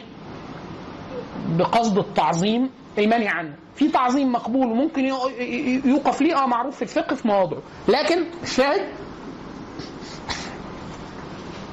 ان في قيم نفسية الإنسان يجب أن يتحلى بها أثناء عملية الطلب. منها فكرة التواضع؟ اثنين إن عملية التعلم دي لو تم نزع عنها عملية اللي إحنا التسلسل اللي إحنا قلناه إن أنا الأول شفت مراد الله فعرفت إن أنا عبد مكلف في أي علم مدرسه عشان أحقق مراد الله عز وجل في الكون فلازم أستصحب الأداب إن أنا بتعلم علم ربنا من علي إن أنا أتعلمه وإن شاء لم أعلم أي شيء منذ الصغر ولا في اللحظة دي ولا اللي في اللي بعدها وبتاع فيجب إن في مظلة من الخشية والتقوى تبقى فأنت بتتعلم العلم ليه؟ في ناس بتتعلم العلم وهو عارف إن العلم ده لا يطبق إلا في محرم. يقول لك مش العلم حلو والعلم مفيد، يا سيدي العلم مش مطلقا مفيد. وإلا ما كانش النبي صلى الله عليه وسلم قال لك اللهم إني أعوذ بك من علم لا ينفع وما كانش فيه في علوم محرمة. خلاص؟ فهتتعلم شيء في واحد من إخواننا ربنا يبارك فيه وفي في زوجته بالذات راجل محترف تسويق رحمك الله محترف تسويق يقول لي أنا الشيطان يا يلعب معايا لعب أقول له ليه؟ يقول لي أنا مرة عامل profile جامد. هو ال CV بتاعه تقيل جدا في المجال في التخصص. ده صوره اللي معاه موبايل فيه صوت أي حاجة من الطائرات أو الزواحف آه، آه، يقفله. ف فال CV بتاعه تقيل جدا. فاستدعيته شركة. قال- فقال أنا ما أعرفش شركة كذا ما أعرفش هي بتعمل إيه أشوف أشوف. قالوا والله إحنا الشركة بتعمل كذا وعايزينك معانا وانت السي في بتاعك تقيل جدا. والراتب بتاعك آه، ان شاء الله مثلا 18000 دولار ان شاء الله. فقال لهم في السنة؟ فقالوا لا في الشهر. اللي هو إيه؟ اقوم هو ولا أعمل إيه؟ قالوا أنتوا بتشتغلوا في إيه؟ شركة خمور. قال لي أنا وأنا قاعد الشيطان جالي حط من غير ما استدعيه. يعني ما دوستش على الزرار. ما نشوفهم بيعملوا إيه؟ والعلم ده هيبقى حكر على الكفار ولا إيه؟ وبتاع تاني حاجة تعلم شوية صغيرين وناخد الفلوس كبيره جدا يعني سنة واللي هو إيه؟ إن شاء الله أشتغل فترة آه، آه، خمارة سنة أكون نفسي أروح أعمل عمرة آه، وحج ربنا يغفر لي وأنتفع بالفلوس. وإن الله طيب لا يقبل إلا طيب. فمش هين مش هينتفع بحاجة. بس هو إيه؟ بعد كده ربنا يبارك في مراته قال لها ده أنا هتعرض عليا 1 2 3 4 قالت له والله فكر وقرر وقول لي عشان أنا أفكر واقرر برضه. شو الستات؟ دي كلمة مختصرة. يعني فكر ورن لي كلمة مختصرة ومعبرة. قال لي طبعا ما فكر قفلتها برضه مفتاح. فالشاهد إن هو إيه؟ لو ما فيش خشية ولا تقوى وأنت بتتعلم أي علم لا كل العلم يورد الإنسان المهالك بما فيها العلوم الشرعية. يعني أوسع باب للنار على الإطلاق. هو إيه؟ الأعمال اللي شكلها شرعي. حديث النبي صلى الله عليه وسلم ده إحنا مش بنفتئت يعني إحنا الكلام في الحلال والحرام يا أخوانا ما فيهوش يعني إحنا آه بنهزر وإحنا بنتكلم وبتاع بس من باب عشان التفهيم بس. وحاجة نفسية إن الإنسان لو قعد فترة عامل كده هو مش هيفهم حاجة هو أحيانا بينام عارفين إحنا بنتعلم الوضع ده في الجامعات اللي هو الوضع اللي أنا مهتم ونايم. بعد كده في آخر المحاضره تبقى بس ده تكنيك إحنا طورناه. فاحنا بن- بن- بنلجأ للمزاح بس عشان كده. وإلا ال- يعني وعشان المستوى يعني برضو في المستويات دي إحنا إيه بنحاول نورطكم. فاحنا بنعمل زبون. عايزين نفهمكم الموضوع سهل وبتاع. اما تخشوا الأروقة. إيه ده؟ إحنا طب حكم العلم ده إيه؟ واجب. يلا جوه. انت دلوقتي ما مش قادرين نقنعك لسه. فاحنا بس انسوا الكلام اللي أنا قلته. خلاص؟ كنا بنقول إيه يا مولانا أصعب من مواد العلوم الشرعية أوسع أبواب النار هو إيه؟ النبي صلى الله عليه وسلم صح عنه أنه قال ما معناه؟ أول من تسعر بهم النار ثلاثة مين الثلاثه؟ ما قالش خمرجي وما قالش زاني وما قالش قال إيه؟ واحد شهيد وعالم ومتصدق الاولاني شهيد مات فيما يبدو للناس وهو يقاتل الكفار في سبيل الله. والله أعلم بمن مات في سبيله. والتاني عالم طول عمره كان عايش بيحفظ القرآن وبيحفظ القرآن ويعلم الناس العلم. والثالث متصدق. ما سابش ما طريق أو آه، نشاط ينفق فيه في سبيل الله إلا وأنفق ماله فيه. افنى ماله في سبيل الله. فيؤتى بالرجل الأول فيسأل يسأل الله عز وجل.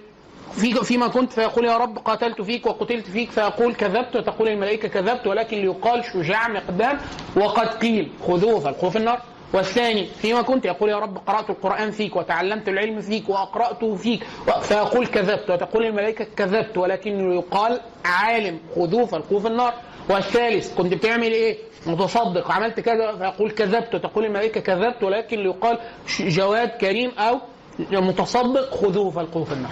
فده باب واسع جدا. خلاص؟ الواسع الباب ده.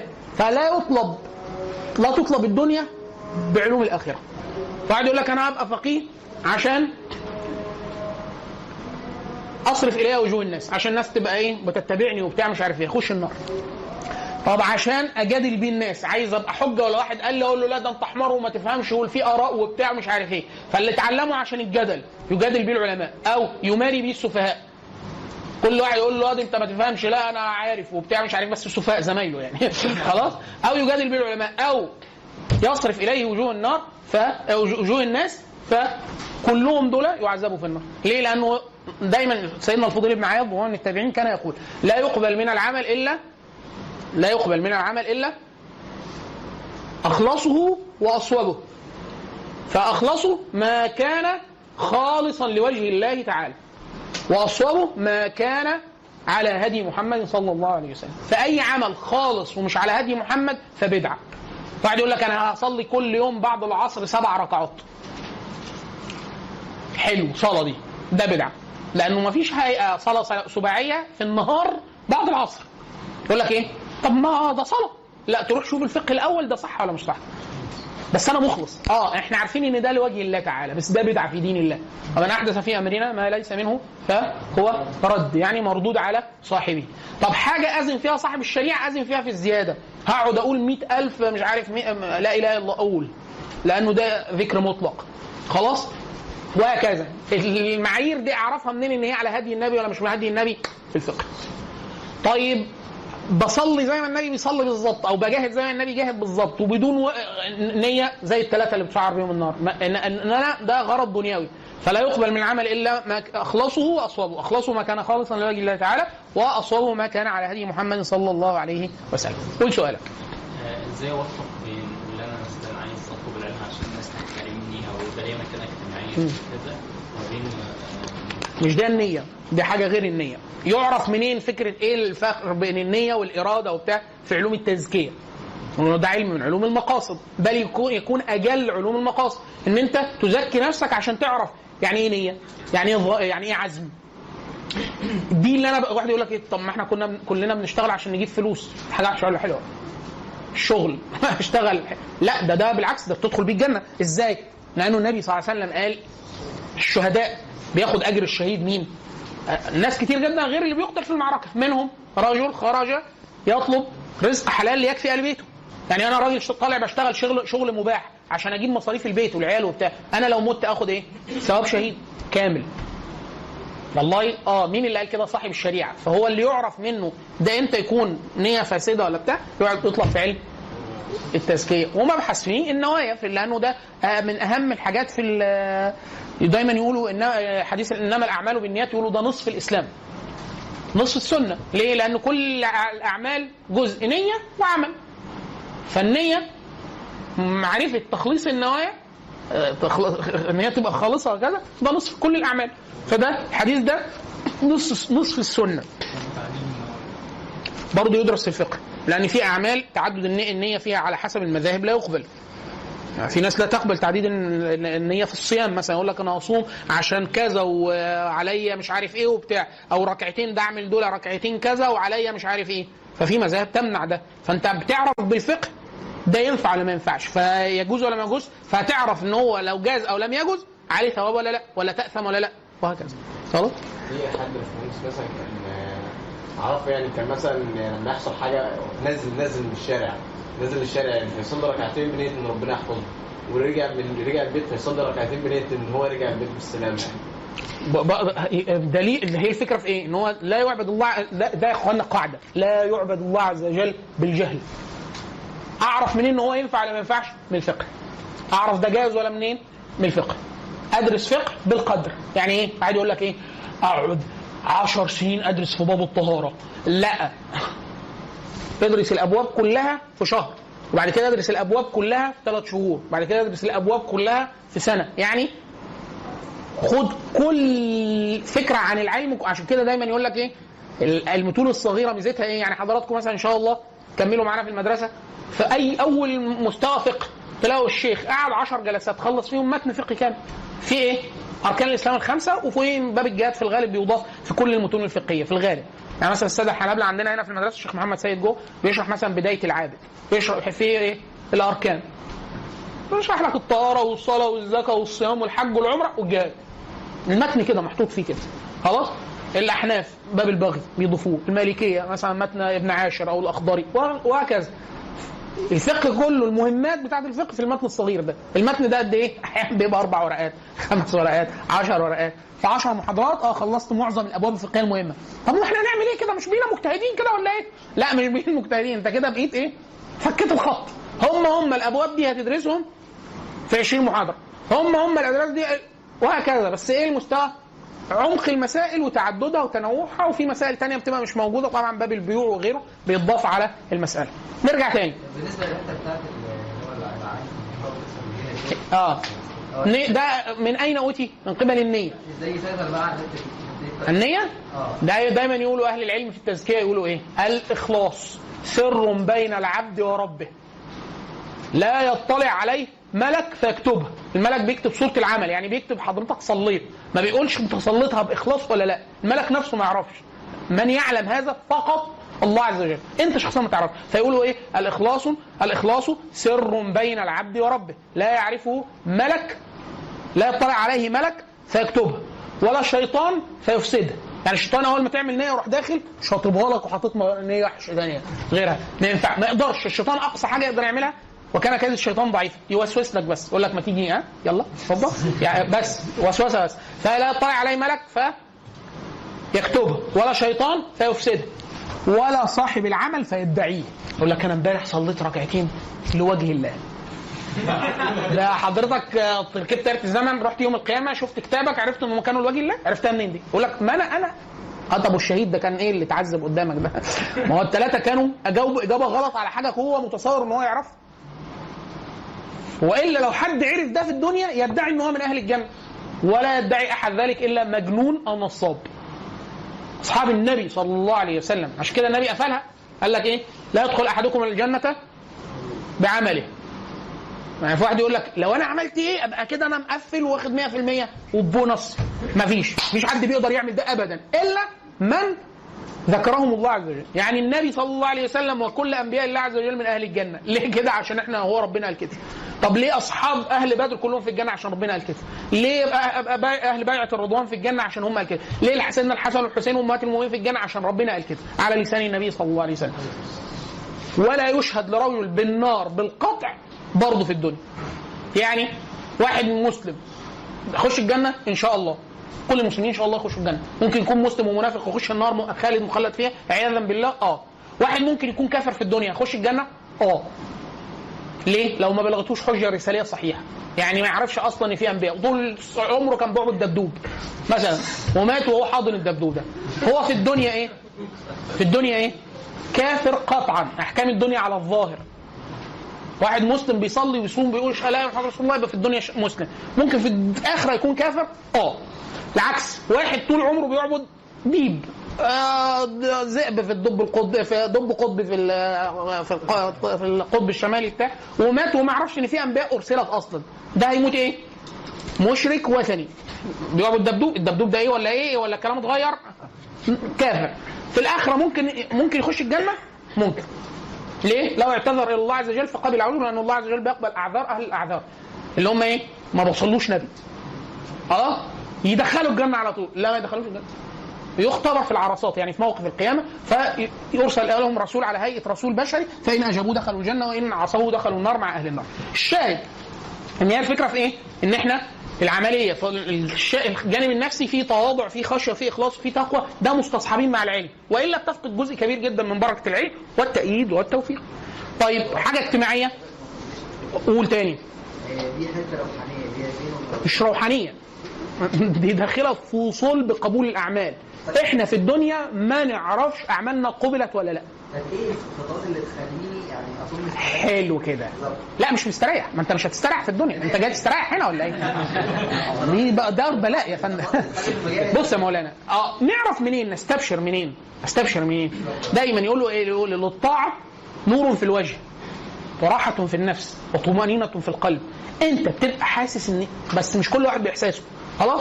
يعني تكون بتعمل حاجة بدعة وتقول لي أنا مرتاح. لا ده يعني كده مرتاح مش هتدخلك الجنة دي. خلاص؟ فالعلم الأول تعرف إن ده صواب وعلى هدي النبي صلى الله عليه وسلم وتجتهد على نيتك. ثم تدعو الله إن يرزقك إخلاص. عشان كده معظم أدعية السنة معظمها معظم الأدعية متعلقة بالاستغفار لأن إحنا بنستغفر على النقص في العبادات. وعلى وعلى تصويب النوايا وطلب الإخلاص من الله عز وجل. فهي أصلا حتى واحد يقول لك طب أنا أعملها إزاي؟ تسأل الله عز وجل الاخلاص في العمل. تسأل الله عز وجل السداد في العمل. تسأل الله عز وجل وهكذا. فعشان كده هو ده اللي- عشان كده يقول لك ده مبكات الصالحين. ليه أبو بكر وعمر كانوا بيبكوا؟ أنت متصور ليه؟ بعد يقول لك طب ما إيه ده؟ ده ما هو ياه ده كان هو النبي قال له أنت في الجنة؟ طب ليه ما كملش؟ بقى راح جه وبتاع. عشان هو من أهل الجنة مش يعني مش عشان ما خلاص؟ إيه السبب؟ إن هو أخبره بإن هو يقول أمره إلى خير لو استمر على ما هو عليه. خلاص؟ بس كده. فأنت في في الدنيا في الدنيا وظيفتك إن أنت تحاول تحاول تنقي عملك آه، من غير تدقيق زائد. لأن في ناس أحيانا بياخد البندول يوديه الناحية الثانية لكن أنا هقعد بقى هعفص في نيتي وفرفطها؟ لا. نهينا عن التكلف برضه. تعمل الحاجة زي ما كان بيعملها الصحابة ثم تدعو الله عز وجل القبول والإخلاص. فقط. من غير ما تتكلف حاجة زيادة عن الشريعة. ممكن لو حد شاك في موضوع الإخلاص بتاع بتاع النية أو الشيطان دخل المدخل ده ممكن إن هو يكسر من طاعه السر إن هو يتخيل عليه بالموضوع ما لهاش دعوة لأنه طاعه السر يدخلها ال- الاعمال القل... الآفات القلبية. ما هو معجب ممكن يكون معجب بعمله فلا يرتفع عمل المعجب فوق رأسه شبرا. المعجب ده اللي هو إيه؟ واحد قاعد بيصلي يقول لك شوف يعني في حد قاعد واقف دلوقتي بيصلي شوف الناس كلها مشغوله. أو لا يرد النعمة للمنعم. يعني يقول لك إيه؟ شوف أنا نايم مظبوط صحي بدري منضبط فأنا قايم. مش أنت اللي قايم ده الله عز وجل أقامك. خلاص؟ فيقول لك العجب عدم رد النعمة للمنعم. ويتصور المعجب في جب أو في سجن. يعني واحد قاعد في أوضة مسجون لمدة 20 سنة معجب وعمله لا يرتفع فوق راسه ليه؟ هو معجب بعمله هو متصور إن هو بيعمل ده من عنده مش من عند الله عز وجل. خلاص؟ وهكذا. ده مشاهد مرئي في أعمال الناس. يعني في واحد يقول لك إيه؟ أنت تفوقت إزاي؟ يقول لك مذاكرة وتقسيم الوقت وبتاع مش عارف إيه. لا. ده هو الله عز وجل أقامك في ده. وإلا كان ممكن ي- رب العزة من ناحية مادية مطلقة يعمل لك خلل بس في إشارات مخك فتفقد قدرة على السيطرة على الحواس. بس. وهكذا. فهو عشان كده إحنا بنقول إن هو الأعمال القلبية وده أخطر شيء. في كتاب لو حد عايز يتصور شكل المسألة فين؟ شكلها بس. وإلا المسألة لما تدرسه مع الوقت هتيجي تفهم جزء منها. في كتاب اسمه مقاصد المكلفين. كتاب من جزئين. اسمه مقاصد المكلفين. جزء اسمه الإخلاص وجزء اسمه النيات. كتاب دقيق ورسالة علمية. من كاتبه الدكتور عمر سليمان الأشقر رسالة الماجستير بتاعته. كتاب لطيف. ميزته إن هو ممكن لواحد غير متخصص لو قراه يفهم شوية. يعني إيه؟ لأن إحنا دايما بنقول لأن الكتب غير لغير المتخصص أي فهم أنت هتفهمه هو مش دقيق. بس يديك تصور ما عن المسألة. زي بالظبط لو أنا حضرتك مسكنا كتاب طب باللغة العربية وقريناه. أكيد هنفهم حاجة. بس أكيد اللي إحنا فهمناه ده مش دقيق. صح؟ لأن إحنا ما عندناش بقية روافده أو تصحيح من قبل المتخصص. لكن يمشي. فلو عايزين تطلعوا على صورة المسألة شكلها إيه بقى موضوع النيات؟ الفقهاء بيتعاملوا معاه إزاي بتاع؟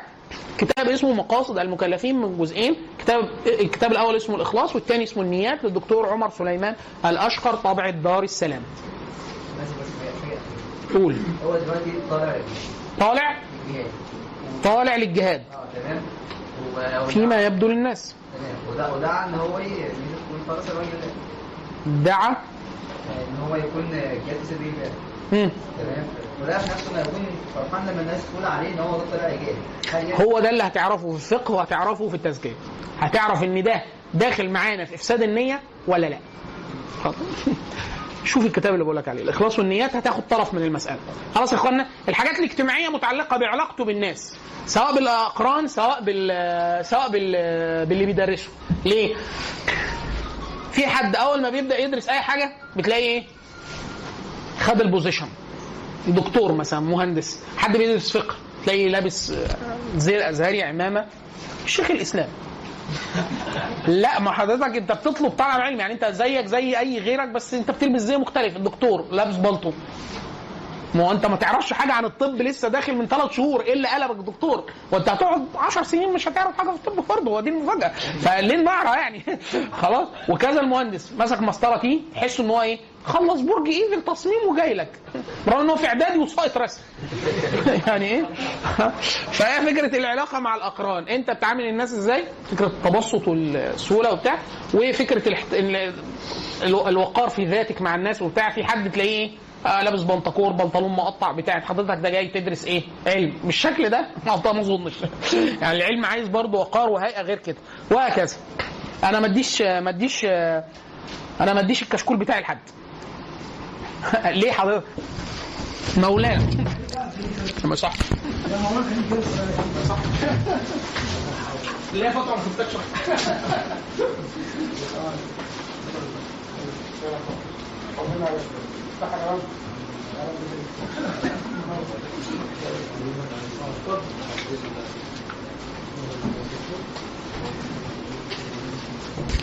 خلاص يا اخوانا؟ فكرة الايه؟ أنا ما اديش الكشكول لحد. ليه؟ هم عيال صيع ولا بتاع أنا طول عمري بحضر. اديهم الكشكول على الجاهز. طب ما تنوي نية خير يمكن يتوبوا على ايديك. اصل هي في ناس أحيانا بتعتبر إيه؟ وضع الشيء في غير موضعه آه وحش بإطلاق. يعني زي إيه؟ واحد يقول لك إيه؟ في بنت بتشحت إحنا عارفينها شحاتة. نديها فلوس ولا لا؟ إجابة. عايزين إجابة. خايفين ليه يا إخوانا؟ هو مش حديث كده بس المعنى صحيح. ماشي. متهيألي لا.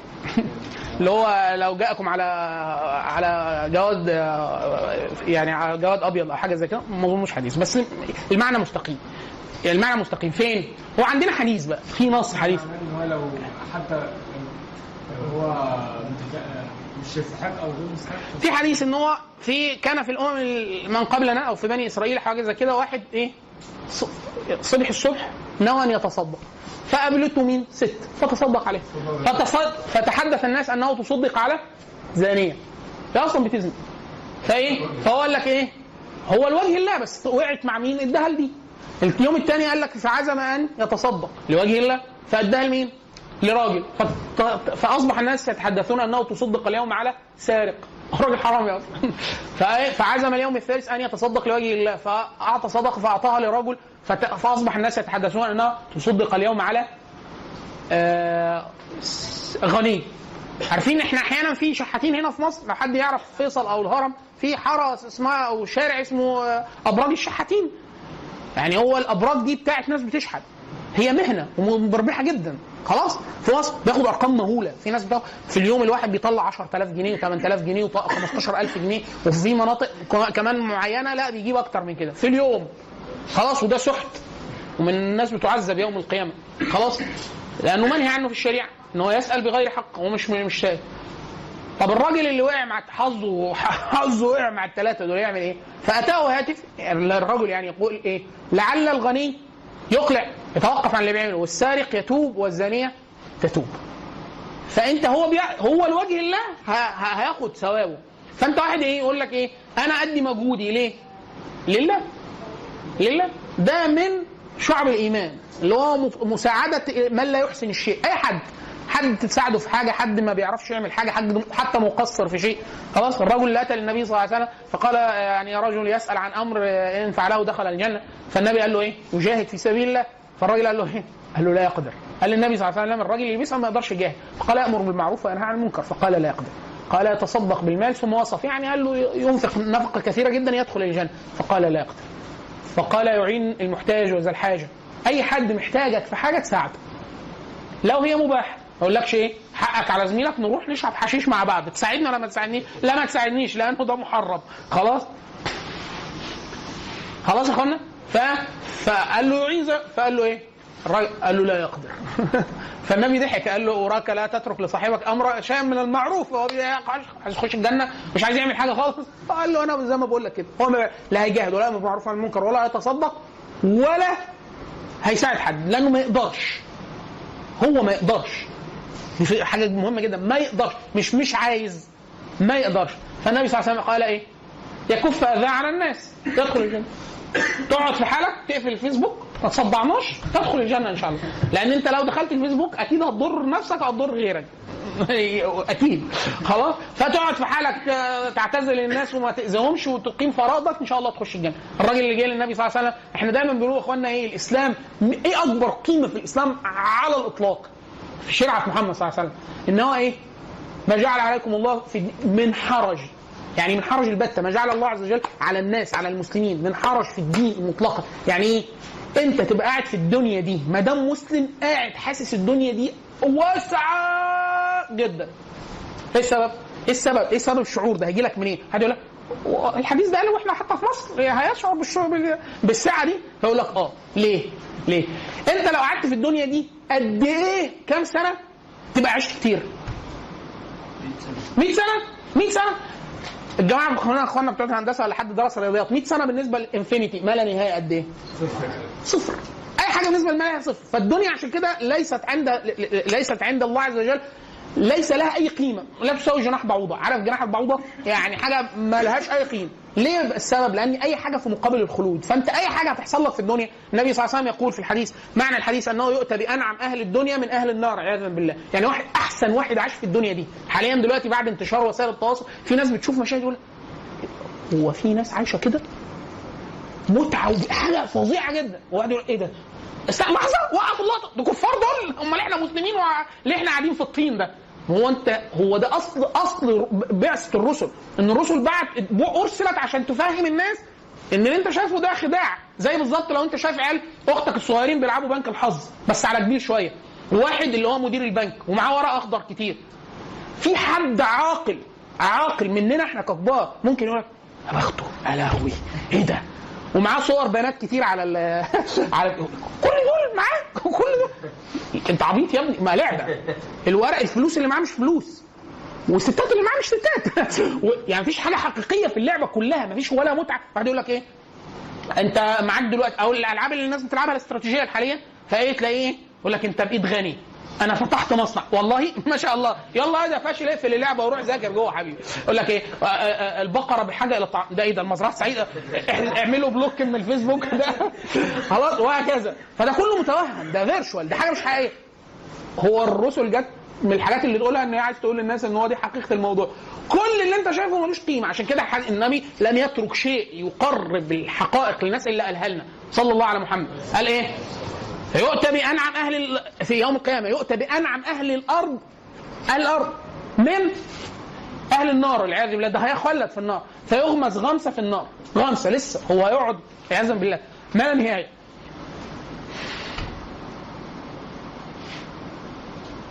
فيقول له الله عز وجل هل رأيت نعيما قط؟ فيقول لا والله يا رب. ويؤتى بأشقى أهل الأرض من أهل الجنة. يعني واحد قاعد في الحياة إحنا تخيل كده اسرح بحياتك. أسوأ شيء مر على حياتك. اضربه في مليون. في ناس كده. يعني لو حد قرأ تاريخ أو مقاسي الناس وبتاع يعرف حاجات أنت لوحدك ممكن تمرض نفسها لو عرفت إن في حد تعرض لده. خلاص في الدنيا. ثم يكون من أهل الجنة. فيغمس غمسة في الجنة. فيقال له هل رأيت شقاء قط هو هو اللي تعرض لهذا الشقاء. قل لا والله يا رب. ولا حاجة ولا حاجة. يا عم افتكر كويس. ولا حاجة. خلاص؟ عشان كده الدنيا ادي المقياس الاصلي فالإسلام بيجي يعمل إيه؟ يعرفك بحقائق الأشياء. يقول لك شايف المليون دولار اللي مع الواد اللي بيلعب بنك الحظ؟ دول ما لهمش قيمة كمل في مسارك لأنه ما لهمش قيمة. ما لهمش قيمة. هي دي الفكرة. ما لهمش قيمة حقيقية. ده ورق ورق ورق زائف. الحقائق بتاع الاشياء قيمتها. زائف الغنى زائف المتعة زائفه الأكل الشرب زائف المتعة الحياة الشهوانيه زائفه مش هتفيده في حاجة لأنه أول ما يغمض غمسة عياذا بالله في النار هيقول لا والله يا رب. ما شافش نعيم؟ كل اللي شفته مفيش. فدي أول أو دي أول حاجة رحمة من رحمات الدنيا اثنين إنه أقل شيء أنت بتعبد رب من اسمائه ال 99 اللي إحنا نعرفه في حاجات كثيره جدا عش- عشان كده دعاء النبي صلى الله عليه وسلم اللهم أنا أسألك بكل اسم ولا اسم آه سميت به نفسك أو أنزلته في كتابك أو علمت أحد من خلقك أو استأثرت به في علم الغيب عندك. الله عز وجل لم يتعرف علينا إلا بأشياء بس اللي إحنا نقبلها بأذهاننا وبلغتنا المع... اللي في الدنيا. وإلا الله عز وجل يدرك كونه الله عز وجل. أو لا يعلم كون الله عز وجل إلا نفسه. يعني هو الله عز وجل فقط. إحنا بس قرب لنا صفات الله عز وجل. فمن صفاته إن هو شكور. شكور يعني يجزي بالكثير على القليل. فالراجل جه للنبي صلى الله عليه وسلم. أنتوا جاوبوا قبل ما تعرفوا إجابة النبي. قال له يا رسول الله أرأيت إن شهدت أن لا إله إلا الله وأنك رسول الله وأقمت الصلاة اتيت الزكاة وصمت رمضان وحججت البيت إن استطعت إليه سبيلا فأين أنا؟ قال له كده بس في الجنة؟ تبقى سهلة. قال له إيه؟ أنت مع الأنبياء والصديقين والشهداء وحسن أولئك رفيقا. يعني أنا أنا لو أنا شهدت أن لا إله إلا الله وأن محمد رسول الله واقمت الصلاه الخمس وصمت رمضان آه إن ادركته وزكيت إن إن ملكت النصاب وحججت البيت إن استطعت إليه سبيلا. أنا تحشر مع مين؟ مع الأنبياء والصديقين والشهداء وحسن اولئك رفيقا بس آه بس. هذا يقول لك طب ما فيش أكتر من كده؟ إن دخلت الجنة فقد فاتك كل سوء. خلاص مفيش حاجة تانية مفيش حاجة تأسى عليها. ده الراجل اتغمس غمسة ما قعدش. غمسة. خمسه فقال لا والله. لا ما رأيتش شق خلاص. فده الإسلام اللي بيجي يعمله. فأنت بتبقى قاعد إيه؟ صدرك مش فسيح. ليه؟ أنت الوحيد اللي عارف حقائق الأشياء. الوحيد. وعرفتها مش عشان شاطر. ده عشان رب العزة أرسل لك رحمة. رحمات الله عز وجل أكبر رحمة هو. وما أرسلناك إلا رحمة. هو النبي رحمة رحمة صافية عشان يرحم بيك الناس. فعشان يقول لك بس إيه؟ عشان كده النبي صلى الله عليه وسلم واحد يقول لك إيه؟ عايزين نحقق نعمل كده وبتاع. فأنت من كتر الضغط بيسموه ظاهرة عندنا في علم النفس بيسموه الاحتراق النفسي. بتبقى حاسس مجرد بس اشتغالك بما لا تستطيع أو مش عارف. النبي يقول لك إيه؟ من أصبح معافا في بدنه امنا في سربه معه قوت يومه فقد حيزت له الدنيا بحذافيرها. كده أنا حلو ده أنت ممتاز كده. طيب أنا عملت أبسط شيء من تقبلت منه حسنة دخل الجنة. حديث النبي صلى الله عليه وسلم من تقبلت منه حسنة دخل الجنة. من قال لا إله إلا الله مخلصا من قلبه دخل الجنة يصيب قبل ذلك ما يصيب فتلاقي المسألة إيه؟ فهو أنا إيه بقى اللي هيضايقني؟ إيه الحاجة الإحساس؟ واحد يقول لك إيه؟ طب والرزق؟ وما خلقت الجن والإنس إلا ليعبدون. ما أريد منهم من رزق وما أريد منهم أن يطعمون. إن الله هو الرزاق ذو القوة المتين. أنا اللي هرزقك ومش أي حد ده الله عز وجل. هو اللي هيرزقك انت شخصيا. فهو اللي هي- هيرزقك طبعا داخل منها سلامة الحواس وإن أنت تولد مسلم وإن انت كل ده والمال والأكل والشرب كل ده. فأنت أصلا الرزاق لا يموت. فانت فأنا قاعد بقى إيه؟ عارف لما واحد يكون إيه؟ عارفين لله المثل الأعلى. لما يكون واحد أبوه ملياردير. أبوه ملياردير. خلاص؟ وفي نفس الوقت رئيس الجمهورية. خلاص؟ هما الاثنين مع بعض. بيبقى ماشي في الشارع. شكله إيه؟ لا بيمشي في الشارع. ما من إنسان إلا يمشي في الشارع حتى لو هو مين في الآخر بيبقى حاسس إيه؟ حاسس بامان شديد جدا. أي حاجة يقول لك إيه؟ عشان كده في أنا شفت حوادث كتير جدا تصادمات. كنت ساكن في حتة زمان وأنا طالب تقاطع سكني. فلازم تحصل كل يوم 10 حوادث على الأقل. فكنا بنشوف المفروض أفعال الناس. تلاقي في واحد نازل بتاع- تعرف إن العربية دي ما يملك من الدنيا. مع ضعف شديد في التوكل. ليه؟ النبي صلى الله عليه وسلم كان إذا أصابه مكروه كان يقول إيه؟ لو قدر شيئا لكان. وانت خلاص انت داخل انت هتروح فين؟ انت داخل قدرة وربنا شاء كده النبي كان أي شيء يقع لا يلوم عليه يقول إيه؟ قدر شيء لكان هو قدر فأنت ما أنت بتتدخل فيما لا يعنيك آه خلاص في واحد تلاقيه نازل يقول لك إيه؟ هو الغلطان يقول لك إيه؟ أي حاجة عليا تحسه إيه؟ أو واد صغير شباب يقول له إيه؟ ما تهدوش أو ست في ستات كانت تبقى نازل من هيئتها كده تقول له حصل خير ومن مصلحتك. قول كلام كويس وأي حاجة عليا. هي إيه؟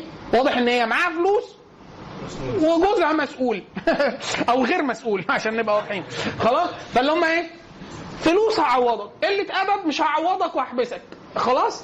وأي حاجة في القدرة. ده ثقة في مين؟ هي واثقة في مين؟ في جوزها. اللي هو أصلا هو نفسه ما يعرفش يصحي نفسه من النوم. لو حد فيكم درس قدر ما من الحاجات إحنا النوم والصحيان ده معجزة. إن أنت تصحى بس تصحى إزاي؟ تصحى بس إزاي؟ هو لا حول ولا قوة إلا بالله هو ما يقدرش يعمل حاجة تمام؟ ما يقدرش يعمل حاجة لنفسه بل إن هو ينفعها وضرها بس هي ظن ظن سوء. آه. ما ظنكم برب العالمين. هي فكرة واكل عليه إن هو متكل عليه يعني إن هو يعرف ينفعها ولا يضرها. عشان كده لما المسلم بيقلب الناحية الثانية بيبقى قاعد اللي هو إيه؟ مسلم حقيقي. بيبقى إيه؟ لا يبالي. يقول لك اصل أنا أنت ما أنت ما تعرفش يعني؟ مين حضرتك؟ مين حضرتك؟ أنا مسلم. الله عز وجل لما خلق هذا الكون خلقه عشان يوحد. أنا موحد. فأنا عشان كده دايما الأحاديث أحاديث فيها كلام خطير جدا. يعني أحب الأعمال الله عز وجل اللي هو إيه؟ ما افترضته عليه وما زال عبدي يتقرب إلي بالنوافل. حتى ده اللي هو إيه؟ ده بقى ده ولي الله عز وجل. يعني هو عبد صالح. فهو بيعمل أحب الأعمال. أنا بقول لك إيه ضربت لك ولله المثل الأعلى. أما يكون ولد الوحيد لواحد وغني جدا وقوي جدا وبتاع فمدى يقين ده الثاني متكل على الله عز وجل. فلما النبي كل أنبياء الله عز وجل لما يقولوا آه، حسبنا الله ونعم الوكيل. حسبنا الله ونعم الوكيل يعني إيه؟ الله عز وجل حسبك يعني يكفيك. ونعم الوكيل لو كان وكيلك الله عز وجل أو قائم على أمورك يكفيك. يعني سبحانه خلاص. وهكذا فالمسلم إيه بقى الإحساس بتاعه؟ وعشان كده دايما يقولوا إيه؟ العلم ليه شريف في ذاته؟ لأنه هو بيخ... بيرفع مستواك الإيماني اللي هو بيحدد درجتك في الجنة. ومدى فهمك عن الله عز وجل فهم آني لحظي. من غير ما تعمل حاجة مجرد علمك بالله لما بيزيد لوحده. انت مستواك الايمان بيزيد رضا الله عز وجل عنها بيزيد من غير ما تعمل حاجة عشان كده سئل الإمام مالك رضي الله عنه قالوا رجل يقدم ليضرب عنقه هيموت هيتقتل دلوقتي وأمامه ساعة ساعة قبل ما يموت يصرف الوقت ده في إيه؟ ده سؤال في الفقه يعمل إيه؟ بص الفقيه قال إيه؟ تتصار ليه؟ أه، يصرفها في العلم يطلب العلم فقالوا له يطلب العلم ولا يعمل به. قال العلم في ذاته شيء. هو بس لو تع... يعني لو قاعد ف- فقط تعلم حاجة فهم حاجة فخليته يفهم كلام الله عز وجل. أو عشان كده كثير جدا من أهل العلم كانوا إذا حضرهم الموت كانوا يعني يطلبون من ممن حولهم يقول حدثونا بالرخص حدثونا بالرحمات. يعني يقول لي الأحاديث اللي هي إيه؟ فيها رجاء وكذا إخبار عن صفات الله عز وجل. ده بيرفع العلم بتاعك بالله. فأنت تاخده مع الله عز وجل وأنت حسن الظن به. خلاص؟ أنت ما عملتش حاجة. ما عملتش حاجة ما قطعتش حاجة إنجاز عملي. لكن إيه اللي حصل في قلبك؟ علمك بالله اتغير علمك بالله اتغير. فأول ما اتغير إيه؟ تقدم على الله عز وجل وأنت حسن الظن بالله. والله عز وجل يقول إيه؟ أنا عند ظن عبدي بي. فليظن عبدي ما شاء. يعني لو ظننت أنه يرحمك يرحمك. خلاص؟ نرجع تاني. جانب النفسي جانب اجتماعي جانب أخلاقي. منها اللي بيسموها أحيانا بتوع جماعة الجماعه بتوع علم النفس بيسموه الدافعية للإنجاز. اللي إحنا بنسميه في التراث علو الهمة. إن هو إيه؟ لا يرضى بسفساف الأمور أو أقل. يقول لك إيه؟ لا لو هو في ناس بتذاكر ساعتين في الدنيا أنا ذاكر ثلاثة لو في حد بيذاكر خمسة أنا ذاكر عشرة. لو في واحد اسمه الغريب إنه غير مسلم اسمه سكوت يانج. عامل صفحة مشهورة جدا اسمها ام اي تي تشالنج ده ام اي تي أشهر معهد فني في العالم. معهد هندسي. خلاص؟ computer science فيها وتخصص علوم الحاسب صعب جدا على أربع سنوات. سكوت يانج عمل تحدي قال لك أنا هدرس مواد لأربع سنين في سنة واحدة. سنة واحدة. ففي ناس قالوا له طب ما الادعاء سهل راح عامل صفحة حط فيها الكورسات وجدوله في المذاكرة والكو- والكورسات اللي دخلها امتحانها وخد درجاتها والكويزات اللي حلها ومش عارف إيه ورفعها على الموقع كله بيه مشهور جدا. قال لك اهو أربع سنين الراجل من علو همته اتعلمها في سنة واحدة. سنة واحدة. قال لك لما بديت المذاكرة كنت بذاكر تقريبا 10 ساعات في اليوم وبعد كده قليت عن كده. بس خلص اللي في ناس قالوا له إيه؟ قالوا له ده أنت عشان جبت حاجة يعني هندسية وفيزياء قد تكون مميزه قال لهم أي حاجة. مع علو الهمة والانضباط اللي أنا عملته أعملها. قالوا له طب خد تاني خد challenge تاني. قال لك هتعلم أربع س... أربع لغات في سنة. ده challenge تاني على صفحته موجود اتعلم أربع لغات في سنة. خلاص؟ هي الفكرة في إيه؟ علو الهمة. إن أنا إيه؟ حتى التكليف الأخير للمحاضرة إن شاء الله هيكون هت- هنخليكم تقروا حاجة. في كتاب اللي هو للدكتور للشيخ العلامة عبد الفتاح أبو غدة رحمه الله كان ليه كتاب اسمه قيمة قيمة الوقت عند العلماء وكتاب ثاني اسمه صفحات من صبر العلماء. إحنا عايزين حاجة تقروا فهرس صفحات من صبر العلماء وتختاروا أي موضوع يعجبكم من الفهرس وتقروه. هيبقى ده تكليف المحاضرة. لو قاعدين بنقوله من دلوقتي حتى لو إيه ما لحقناهوش.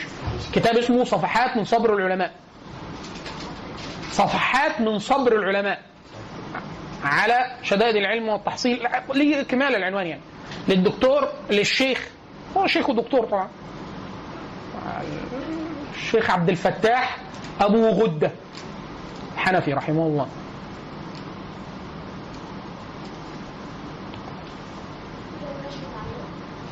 آه بتوزعوا دار السلام. دار السلام ليها منفذين أساسيين منفذ عند الحسين ومنفذ عند آه النحاس مصطفى النحاس. بتوزعوا دار السلام بس مش طبيعتها. أظن مش طبيعتها. بتوزعوا خلاص؟ هو ليه كتاب تاني برضو لو حد يعني في الموضوع اسمه قيمة الوقت. بديع بديع جدا يعني. توفي الشيخ الله يرحمه. تكليف المحاضرة. هو المحاضرات دي إحنا إيه؟ بنورطكم وبعد كده بنوريكم حاجة. التكليف عشان تكمل مساحة أعمق في نقطة من النقاط اللي إحنا بنتكلم فيها. فالكتاب ده الكتاب ده أو التكليف ده متعلق بعلو الهمة لو شفت الفهرس واخترت أي موضوع قرأته هتعرف إحنا نقصد إيه. الكتاب بتاع صفحات العلم. طبعا إحنا بعد كده هنقول لك يا ريت تقرا كله إن شاء الله. بس إحنا إيه؟ إحنا بنعمل زبون. يعني بنكسب عميل. طيب. آه طبعا بقية ال ال ال الأخلاق طبعا الأدب كله خير. يعني فكرة إن هو ما يجيبش سيرة حد ما يشتمش حد ما يتكبرش على حد. فكرة السماحة بالوقت والمجهود كل ده داخل في الأخلاق يعني. آه العلم ال ال ال آخر حاجة اللي هي صفات ال- الأداب العلمية. واحد أنه يتعلم الإنصاف. الإنصاف. لو عرفت إن في حق قدامك وتبين لك بالدليل ما تكبرش ما تكبرش لأنه تعريف أخص أخص تعريفات الكبر. لما الراجل قال له يا رسول الله إني أحب أن يكون ثوبي حسن ونعلي حسن فقال له إيه؟ ليس ذلك الكبر. مش ده الكبر. أمال إيه الكبر؟ بطر الحق وغمط الناس. إن أنت يعرض عليك الحق فتقاوح. عارف لما يكون واحد زملكاوي وعايز تقنعه إن يعني اقعد يقاوح ابني ما طب نعد طب مش عارف إيه. أو واحد أهلاوي وتقول له أنتوا كاسبين نص ماتشاتكم بتحكيم مغشوش وبتاع ويقول والفيديو قدامه أهو محدش يقول لك لا كان بلنتي وهو ما يكونش اتولد أصلا في الماتش ده. طب قر بالحق. قول إن في السياسة وبتتدخل. قول إن الفلوس بتتدخل. والحاجة اللي كسبتها ولا كسبناها بالعافية بتاع. لا ده يا مولانا كبر. عشان كده العيال اللي بتشجع كورة كتير بيبقوا إيه؟ عايزين يتعالجوا نفسيا قبل ما يطلبوا علم. لأن لما بيخش بالنفسيه دي ما نفسية الالترس عندنا في مبحث ده في علم النفس الاجتماعي بيسموه الاتجاهات التعصبية. اللي هو إيه؟ متعصب للكورة. لما بيخش بالعلم أو المطربين يقول لك في منير سيدهم. في إيه؟ طب إيه المعايير؟ إيه الانطباع؟ أنا مش عايز انت انطباعك أنت عمرو دياب. الهضبة. أيوه ليه؟ ده ربنا بيتوب عليه وبيطلب علم. فهو لما بيطلب علم يقول لك إيه؟ هي حلوة. قال إيه؟ عشان أنا قلتها. طب ما هو ده الكتاب الوحيد اللي انت قريته. هو صح. ده مفيش انصاف. خلاص انصاف والتجرب ان انت يكون هدفك التجرد من أي نية مش عايز تحط على زمايلك مش عايز تحرجهم مش عايز تطلعهم جهلة بتاع. عايز اظهار الحق. يظهر على لسانك لسان غيرك مش مشكلة. العلم جزء من آدابه الأساسية مهمة جدا. انصاف تجرد البحث عن الحق مطلقا. ونسبة الكلام لاهله في quote عجبك تاخدها تقول دي منسوخة. آه قريتها في كتاب. ما تبانش إن أنت السيد العلامة دخلت نمت وبتاع طلعت حطيت status على الفيسبوك قول إن أنت ناقلها. فمن بركة العلم نسبة ال- الكلام إلى اهله طيب. لحظة واحدة. آه، باقي نص ساعة صح؟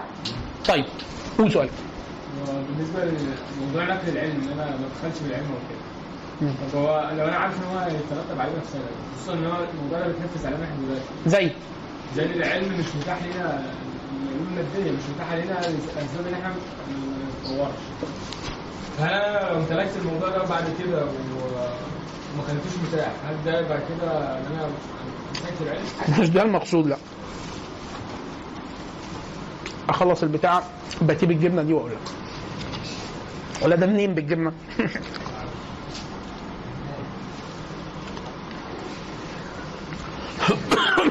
قال لك ندوق ونعرفه. فيها أكل؟ آه، قصدي فيها بس أنا جعان دلوقتي فاهم؟ آه يا رجاء في تقييمات اتوزعت على حضراتكم؟ تقييمات ما توزعتش. بينكروا طيب اللي معاه تقييم وعارف إن ده التقييم يملاه ويسلمه في آخر المحاضرة حتى لو هيقعد دقيقتين بعد ما نخلص لأنه ده مهم جدا لأنه آراء حضراتكم الإيجابية أو السلبية أو النقدية مهمة جدا في تطوير هذا المحتوى. ليكوا ولاخوانكم اللي هيحضروا معانا بعد كده اثنين اللي ما خدش تقييم وعارف ان هو ما خدش تقييم يسأل أختنا في اللجنة التنظيمية أقول لها فين التقييم؟ وبرضه يتملاه من غير ما تكتب اسم. واكتب فاعل خير. مثلا. خلاص.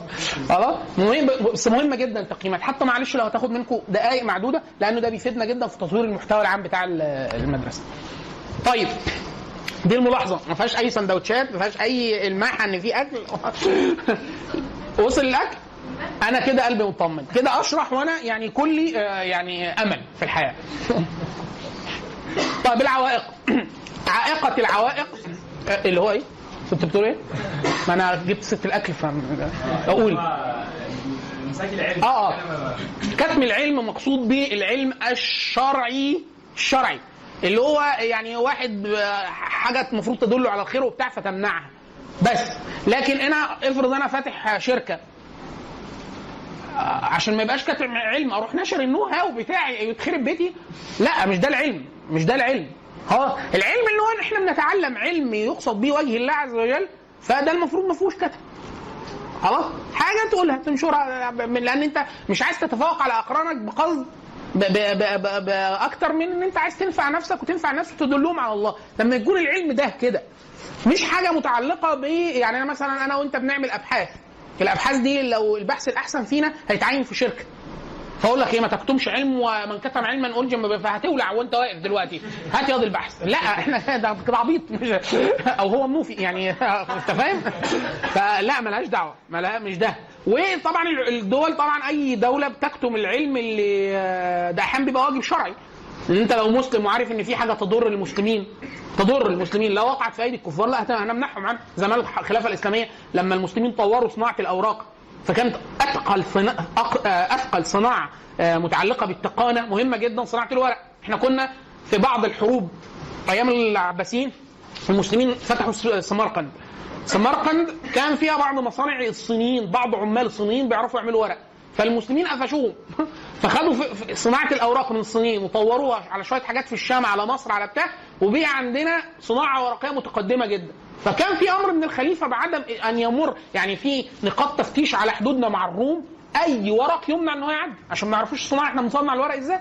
لأنه هيعمل لنا طفرة في الصناعة في في العلم. بيكتب بيه كل شيء بما فيها العلوم العسكريه خلاص؟ فلا ده مش داخل برضه في إيه؟ كتمان العلم على الكفار أحيانا بيكون واجب. خلاص؟ آه زي ما حاليا الدول بتعمل كده. الدول بتعمل كده. في جزء أنت بتبقى كتب مرفوعة أونلاين توصل لها. كل الناس بتعرفها. خلاص؟ هو مش هم مرفوعينها بمزاجهم ده في ناس هاكرز هم أصلا وظيفتهم إن هم ينكدوا على هذه المؤسسات فبيرفعوا هذه الكتب على غير رغبة من هذه المؤسسات. لكن اترفعت. في جزء لا يمكن تعرفه اطلاقا لأنه ده جوه المعامل بتاعتهم. الحاجة ال- مش مش حاجة civil وإلا civil لو أنت باحث في هارفارد ولا في هتعرف أحسن حاجة بتتعمل في المعامل. لا في حاجات عسكرية محدش بيخش فيها غير لأنه ده تطبيقات عسكرية داخل فيها الأمن القومي. خلاص؟ فده مش داخل في موضوعنا يعني. طيب فواحد إحنا بنقول العوائق اللي انت ممكن إيه تعيقك اثناء الطلب. مش لازم تعيقك يعني تخليك توقف. لا تخليك في الآخر اللي انت بتعمله ملوش قيمة في الآخرة. واحد فساد النية وده إحنا يمكن أص... يعني تعرضنا لجانب من أثر فساد النية لأنه في الآخر أول من تسعر بهم النار ثلاثة منهم عالم. خلاص؟ ومنهم شهيد أي حد تاني. فساد النية لو كان شيء مما يطلب لوجه الله والنية كلها السؤال بس عشان نسهل على الناس لا فكرة إن هو لكذا ولكذا من ناحية بسيطة أحيانا ممكن يقلل من الثواب بس ما يلغيهاش تمام. التاني ده كان بيجاهد فقط مراءة عشان الناس تقول عليه كده. مفيش وجه الله تعالى خالص. في حاجة تانية درجة ممكن تقلل من ثوابك بس ما تبطلش العمل وما تدخلكش النار يعني. طبعا الله عز وجل يعني رحيم. هو والا ما كانش الله عز وجل قال من تقبلت منه حسنة دخل الجنة حسنة واحدة. حديث الصحابي لما كان ماشي في الشارع فليه آه، حجر. فوطى وجابه هو من أجا- من آه، من آه، من يعني كبير القدر في العلم وصحبة النبي صلى الله عليه وسلم. فوطى جاب الحجر شال ووسخ إيديه وبتاع حطه على جنب. فواحد قال له مثلك يفعل ذلك؟ فقال سمعت رسول الله صلى الله عليه وسلم يقول إماطة الأذى من الطريق حسنة. رواية كده ومن تقبلت منه حسنة دخل الجنة. واحدة بس تخش الجنة. واحد يقول لك طب ما أنا عملت حسنات كتير إيش عرفك؟ ما أنا عملتها. أيوة عملتها. الإخلاص سر بين العبد وربه. فأنت ما تعرفش أنت عملته ليه. يروى إن اجتمع عبد الله بن عمر ابن عمر بن الخطاب رضي الله عنهما وابن سيدنا أبو موسى الأشعري رضي الله عنهما. ابن موسى أبو موسى الأشعري صاحب النبي صلى الله عليه وسلم وعمر بن الخطاب هو من هو صاحب النبي صلى الله عليه وسلم. خلاص؟ ف ابن عبد الله بن عمر بيقول ابن ابو موسى الاشعري بيقول له تعلم ماذا قال أبوك لابي عارف ابويا وابوك حصل معاهم إيه؟ اجتمع فقال له ماذا قال؟ قال اجتمع أبو موسى مع عمر بن الخطاب. فعمر بن الخطاب قال لقد يعني فعلنا أشياء مع النبي صلى الله عليه وسلم لا وددنا أن متنا على مثل هذه الحال. يعني كان لو هو مات والنبي قال له انت من العشره المبشرين خلاص كده المسألة خلصان ده النبي قال له. هو مش واثق في عمله هو واثق في إيه؟ في النبي. إن النبي قال له. خلاص كثير من الصحابة يقول لو رأينا ما رأى النبي في النبي في المعراج لشككنا في أبصارنا ولم نشك في بصر النبي صلى الله عليه وسلم. ليه؟ لأن رب العزة زكى بصر النبي ولم يزكي بصرك أنت. فقال ما زاغ البصر وما طغى فهو أكد لك إن اللي شافه النبي شافه ولم يهيأ ليه ولا مش عارف إيه. فهو رب العزة زكى زك بصر النبي. فقال لو النبي قال حاجة هي أوثق عندنا من أنفسنا. ولو هو شافها بنفسه هي أوثق من إن إحنا نشوفها بنفسنا لأنه زك بصره مزكي فعمر الخطاب بيقول له لو إحنا متنا في الحالة اللي مع النبي كنا كان الواحد يبقى مبسوط. قال ثم فعلنا بعده أشياء. ده عمر. إيه الأشياء اللي عملها؟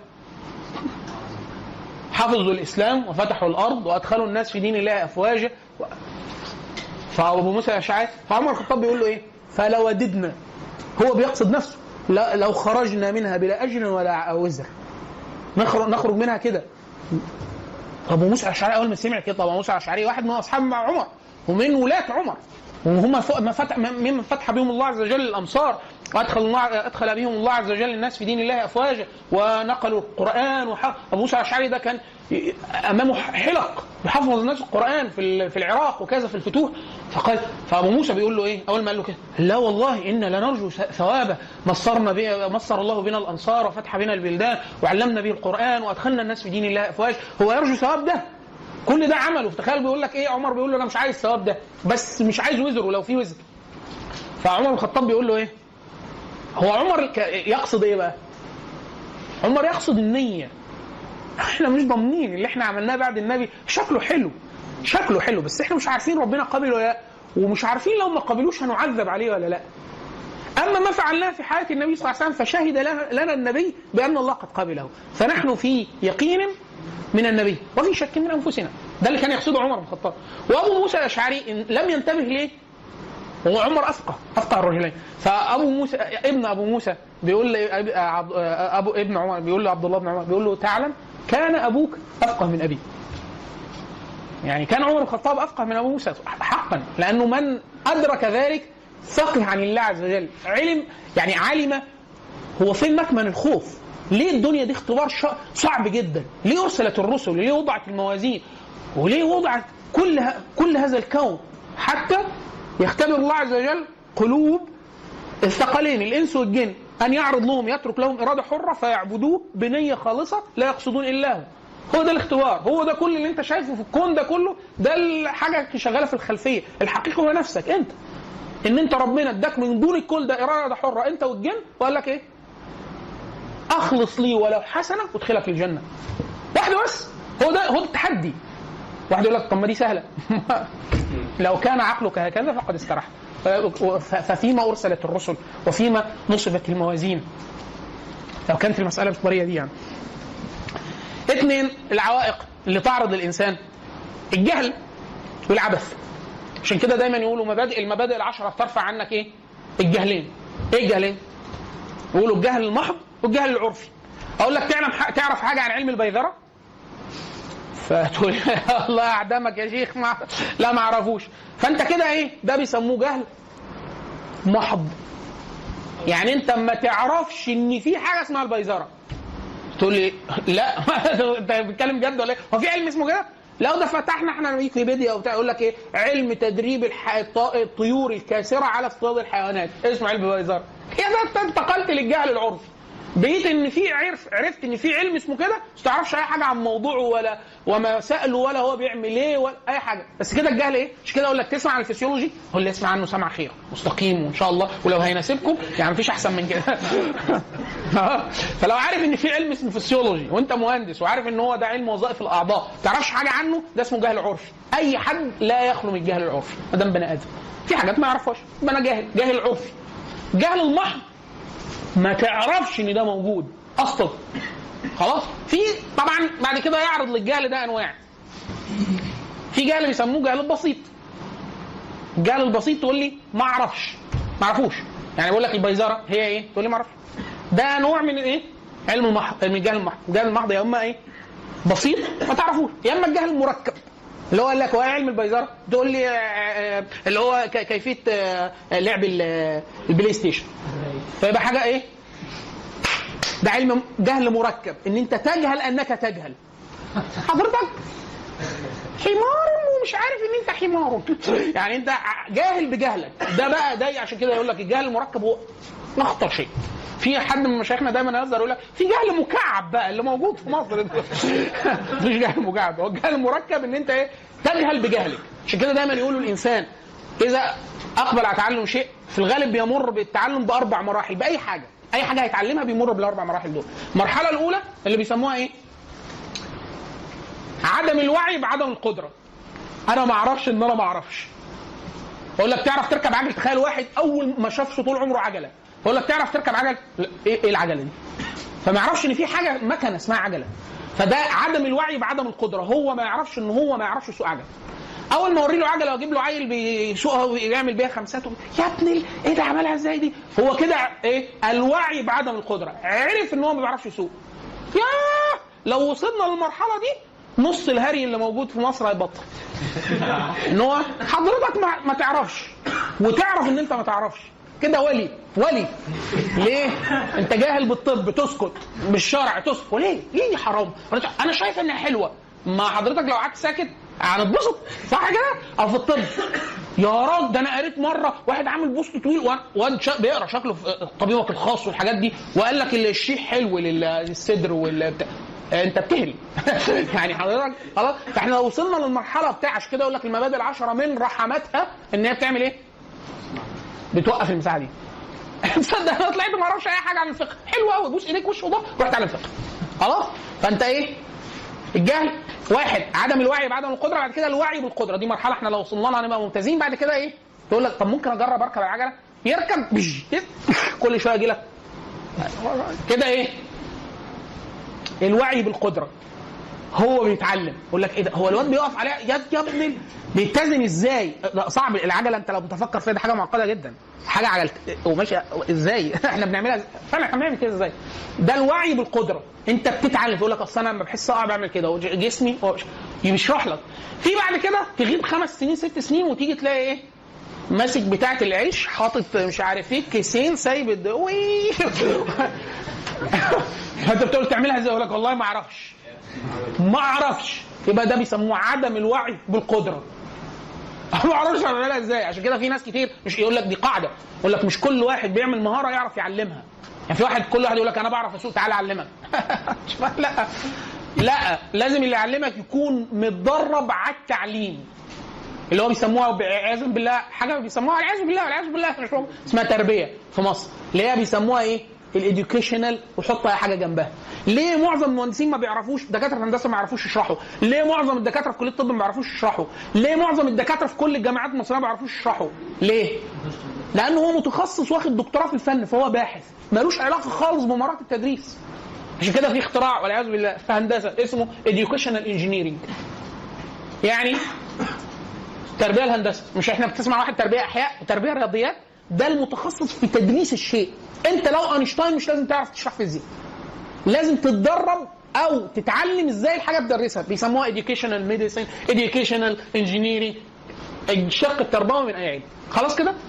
يبقى أنا شال عن شال العوائق الطلب. فساد النية الجهل سواء الجهل المحض أو الجه- العرفي والعبث. العبث بيسموه عبث محض وعبث عرفي. العبث المحض إيه؟ اللي إحنا بنعمله. تبقى بتقلب في اليوتيوب تلاقي كورس بتاع, بتاع إيه ده؟ يلا تسمع لك محاضرتين. انت بتعمل كده. عجبني. ده عبث. ده عبث. بس إيه؟ محض.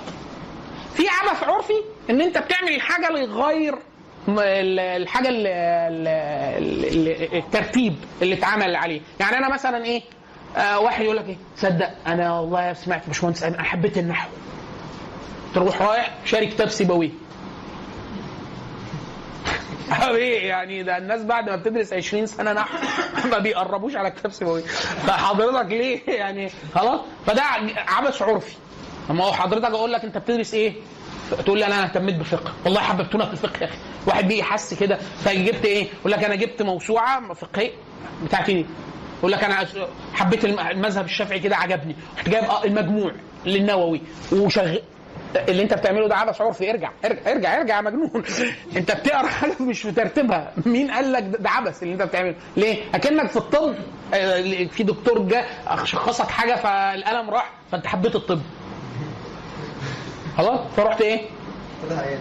لا ما لا في جبت أحسن مرجع في الأسنان إيه؟ وابتديت حلو.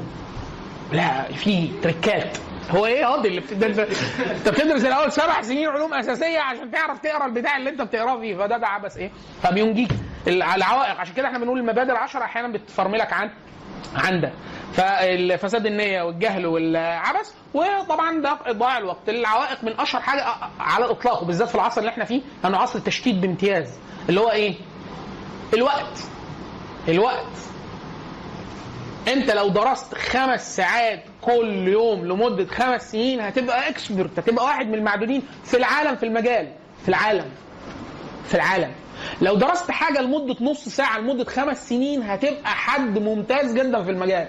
نص ساعة. بس لمدة إيه؟ خمس سنين. حقق جهد تراكمي. الراجل بتاع سكوت يانج ده نكد علينا وعلى أهالينا. 10 ساعات يوميا لمدة سنة خلص أربع سنين. أربع سنين يعني راجل مخلص كلية. عارفين يا إخوانا كلية يعني إيه؟ كلية أي كلية. وإحنا واخدينها يعني إن أنت شهد لك أنك مررت باكثر من 60 كتاب متوسط في الفن. لو حسبتوها هتلاقوها كده. خمس أو ست كورسات في الترم 12 في السنة 12 في 4 أو 5 زائد إن حيث إن عدد موجب على حسب قدرتك في الكلية بتخلصها في كام سنة. فبيبقى إيه؟ 12 في 5 مثلا حركة كده. فبيطلع لك في الغالب من 55 60 كورس. ده في الطبيعي. ممكن يزيدوا أو يقلوا يعني. لكن عشان أقول إن أنت هيلا معاك ليسان- ليسانس أو بكالوريوس تكون قريت إيه؟ على الأقل 60 مقرر. مقرر معتمد. يعني كتاب محترم مش لك ولاسرتك طبيبك الخاص آه، فلاش ميكي بتاع كتاب تحت بير السلم بتاع الكلام ده مش معانا. خلاص؟ وهكذا. طيب دي عوائق ال- عوائق الطلب. ماشي إحنا اتكلمنا عن فطور الهمه عكس علو الهمه خلاص مش هنتكلم فيه تاني. الكبر برضه كلام الخجل إحنا قلنا برضه فكرة الاستحياء ما قلناه ده كله ده في في, في درج الكلام عدينا عليه. فقرة ع- أعاذنا الله وإياكم. يعني طبعا إيه؟ كلام دكتور محمد حسن العزيز أستاذنا بتاع دار العلوم كان يقول لك إيه؟ فضل مال فضل مال. يقول لك عندك فضل ذهن وفضل وقت ومعكش فلوس ما تجيلناش. كنا في دراسات عليا علوم دار علوم تمهيدي ماجستير. فكان يقول معكش فلوس ما تطلب. يعني وقف التسجيل. ليه؟ يقول لك مش معناه أنا بعايرك بفقرك، إحنا كلنا فقراء. لازم حد يصرف عليك. يا تكون بابا ثري أو ماما ثريه أو في دولة هتكفلك آه، منحة آه، حد آه، المهم فيك معاك فلوس تصرف على نفسك ليه العلم مكلف جدا يعني يقال الامام البخاري رضي الله عنه أبوه كان تاجر ساب له مليون دينار أو دينار درهم مش فاكر يعني مليون حاجة من العملة بتاعتهم المستخدمه في هذا الوقت. مليون. جه عليه وقت افتقدوه في الدرس يعني مثلا النهارده ميعاد المحاضرة ما جاش. مرة تانية ما جاش قال لك لا ده مات ده ولا إيه؟ لأن الناس دي كان ساعتها إيه؟ جدية الطلب مفيش حاجة اسمها راحوا يقولوا خبطوا على الباب أنت قاعد آه جوه. طب ما تفتح أنا ما أقدرش أفتح لكم ولا تدخلوا ولا أطلع لكم. ليه؟ قال لهم أصل أنا قاعد عريان. معيش؟ يعني تخيل واحد لابس مثلا أعزكم الله يعني إيه غير داخلي ولا حاجة مش قادر يفتح الباب. ليه؟ قال لهم بعت كل حاجة في البيت عشان أشتري أحبار وورق. فصرف كل ثروة أبيه في الرحله أبوه في الرحلة في رحلة الطلب من بلد لبلد وده وأحبار وورق وبتاع. زي دلوقتي لما واحد يكون إيه خد كورسات ومراجع وبتاع ومش عارف إيه أبوك كان مليونير. آه اديت فلوسه فين؟ يقعد ضيعها في طلب العلم. فعايز حد يصرف. فالفقر عياذا بالله ضد العلم. عايز تتعلم؟ لازم حد يكون بيصرف عليك. خلاص؟ واللي بيصرف عليك ده راجل برضه إيه؟ يعني جزاه الله خيرا ولعله يرزق بك. حديث النبي صلى الله عليه وسلم لما في اثنين. إخوات. واحد فيهم محترف. محترف يعني في العربية يعني صاحب حرفة يعني صنايعي يعني مهندس يعني دكتور يعني بيعمل حاجة بتجيب له فلوس. واحد تاني أخوه التاني ما بيشتغلش. بيروح يقعد في مجلس النبي صلى الله عليه وسلم يتعلم العلم ويسمع الوحي ويتفقه في دين الله. فالراجل التاني المحترف ده مرارته اتفقعت من قال لك أنا أروح أشتغل وارجع وده راح فين؟ راح أسمع علم طب وإحنا هناكل علم؟ هن- هنشرب علم؟ فراح اشتكى للنبي قال له يا رسول الله ليه؟ وحكى له القصة فالنبي قال له إيه؟ رضي صلى الله على محمد أنقذنا والله العظيم لولا كده ما حدش كان راضي يصرف علينا لا ابهاتنا أي حاجة والله المفروض أي حد أبوه وامه صرف عليه وفهم معنى العلم وفهم معنى النفقة ما لا يسع إلا أنه يبوس إيد أبوه وأمه في الراحة وفي الجاي إن هو انفقوا عليك عشان علمه والله عظيم النبي صلى الله عليه وسلم لما سئل قالوا له الواحد ممكن يعمل إيه يكافئ بيه أبوه؟ ابقى كده راس براس. بص يا عم الحاج إحنا كده إيه؟ خلاص أنت علمتني وبرضه إحنا إيه ما تكسرش عيني. إحنا كده خالصين. إيه اللي أنت ممكن تعمله تكفي أبوه؟ فقال له إيه؟ النبي قال له أن تجده في الرق فتعتقه. يعني وكأنه أبوك وجدك عبد فاعتقك على الحقيقة صحيح. لو إحنا لولا أبهاتنا لكنا ما نشبه الرقيق. فأبوك أو أمك اللي صرف عليه رايح جاي تبوس إيده. مش تاخد الفلوس تروح تلعب بيها بيس. خلاص؟ خلاص كده؟ فال... ال... ال... فالنبي قال له إيه؟ قال له لعلك ترزق به. يعني لعل الله عز وجل أصلا بيبارك لك في التجارة والنفقة وكذا عشان أصلا أنت بتكفل هذا الطالب. اللي هو طالب العلم ده. خلاص؟ طيب. يبقى إحنا كده خلاصة كيف نتعلم؟ كنا بنقول القيم الحاكمة حرية التدرج والتكاملية والشغف والاحت... لا خد راح فين؟ والاحترام ومركزية المسجد الشروط اللي ه... ما إحنا وإحنا ماشيين بيها قلنا قلنا كذا ضابط ضابط ليها في الآخر قلنا اللي هو إيه شيخ شيخ فتاح كتب صحاح عقل رجاح دعاء آه، مداومة وإلحاح ذلة وانطراح. وطبعا قلنا كذا أبيات تجمع ده نفس المعنى والأركان العملية التعليمية قلناها والآداب والعوائق الطلب. طيب نعمل إيه بالعلم؟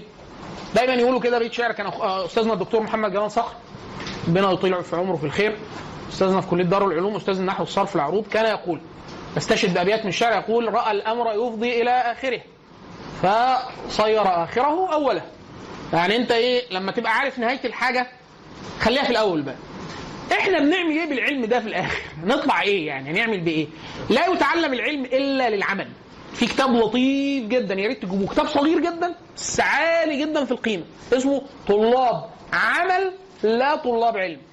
مش فاكر اسم المؤلف؟ بتوزعه دار السلام. شوفوه لو لقيتوا نسخة إلكترونية يبقى ممتاز. طلاب عمل لا طلاب علم. هو بيذكر الناس بالغرض الأساسي من التعلم. لما لما يتعلم المسلم العلم اللي هو بدأ معاكم بيه الشيخ. ليه؟ يبتغي به وجه الله تعالى. عايز يتعلم عايز يتعرف على الله عز وجل. من هو الله عز وجل؟ ما صفاته؟ ما ما مراده من الخلق؟ آه، مين رسل الله عز وجل؟ إيه هو الحق؟ إيه هو الضلال؟ إيه هو الحلال؟ إيه الحرام؟ إيه اللي يرضي الله عز وجل؟ إيه اللي يحب الله عز وجل؟ إيه اللي بيبغضه الله عز وجل؟ إيه؟ وهكذا. خلاص؟ كيف سيحاسبك الله عز وجل؟ على ما تحاسب على ما على ما تحاسب على ما تأثم على ما ت- تثاب وهكذا. خلاص؟ فخلاصة العلم إن أنا عايز إيه؟ إما أعمل بيه وده الأصل. عشان كده أصحاب النبي صلى الله عليه وسلم لم يتركوا ورقة. مفيش حاجة. كانوا بيعلموا الناس بالسلوك. عايز يجاهد؟ أصحاب النبي صلى الله عليه وسلم كلهم النبي صلى الله عليه وسلم رآه في الحج في حجة الوداع أكثر من 124 أر- 124 ألف واحد. خلاص؟ فالصحابة كل من رأى النبي صلى الله عليه وسلم فدول كلهم لهم صحبة. حتى أصحاب النفس أصحاب النبي العدد القليل. عندنا غزوة تبوك مثلا. غزا مع النبي 10000 واحد. ده غير اللي قتلوا في المغازي. ده غير مش عارف إيه. فعدد إحنا بنتكلم على عشرات الآلاف. دول أخص الناس بالنبي. أصحابه اللي جاهدوا معاه وهاجروا معاه ونصروه وغزوا معاه لآخر يوم في حياته. كم واحد مدفون في المدينة؟ مدينة النبي صلى الله عليه وسلم اللي فيها كتيبة الإسلام اللي فيها الأنصار. 300 واحد. 300 بس. طب والباقي راحوا فين؟ كلهم مدفونين في امصار في الأمصار المفتوحة، يعني هنا إحنا عندنا في مصر أكتر من 300 صحابي مثلا ولا حاجة، المنيا بس فيها قرية فيها 70 صحابي. المنيا بس. هذه الأرض دي من بركات يعني لعل الأرض دي على على قد اللي إحنا بنعمله فيها من بركات أصحاب النبي صلى الله عليه وسلم. إن هي آه، دول كلهم في الفتوح. سيدنا أبو أيوب الأنصاري لو حد يعرف عن مسجد السلطان أيوب في تركيا ده سيدنا أبو أيوب دفن وعنده 90 سنة رؤي وهو يتترس ويلبس لبوس الحرب وهو عنده 90 سنة فالناس يقولون انت راح فين؟ قد وضع عنك الله الجهاد. انت فيقول نزلت فينا معشر الأنصار. هم جايين يفسر هم جايين يفسروا له هو القرآن. هو الأنصار قد. أنت عارفين يعني إيه القرآن؟ القرآن فيه خبر أصحاب النبي صلى الله عليه وسلم. القرآن فيه خطب به النبي وأصحابه. فالقرآن ده نزل فيهم. عشان كده ما من آية إلا في الغالب فيها الصحابة وزيادة. حاجة عملها الصحابة فخطبوا بشيء وزيادة. خلاص؟ هذان خصمان اختصموا في رمضان. ده آه، آه، آه، سيدنا علي بن أبي طالب وسيدنا حمزة الصحابه القرآن كله كده بشكل مباشر أو غير مباشر. خلاص؟ فدول أصحاب النبي صلى الله عليه وسلم. فهو قال لهم إيه؟ على يعني خفضوا على انفسكم قال نزلت فينا معاشر الأنصار لم يعزل الله عز وجل منا أحدا. هو إيه اللي نزل فيهم؟ التوبة. سموها البحوث. يعني بحثت عن المنافقين ف فضحتهم. سموها الفاضحة. سيدنا عبد الله بن عباس يقول لما نزلت التوبة كان أصحاب النبي صلى الله عليه وسلم آه، يعني من أشد ما نزل عليهم التوبة. قال كان يقول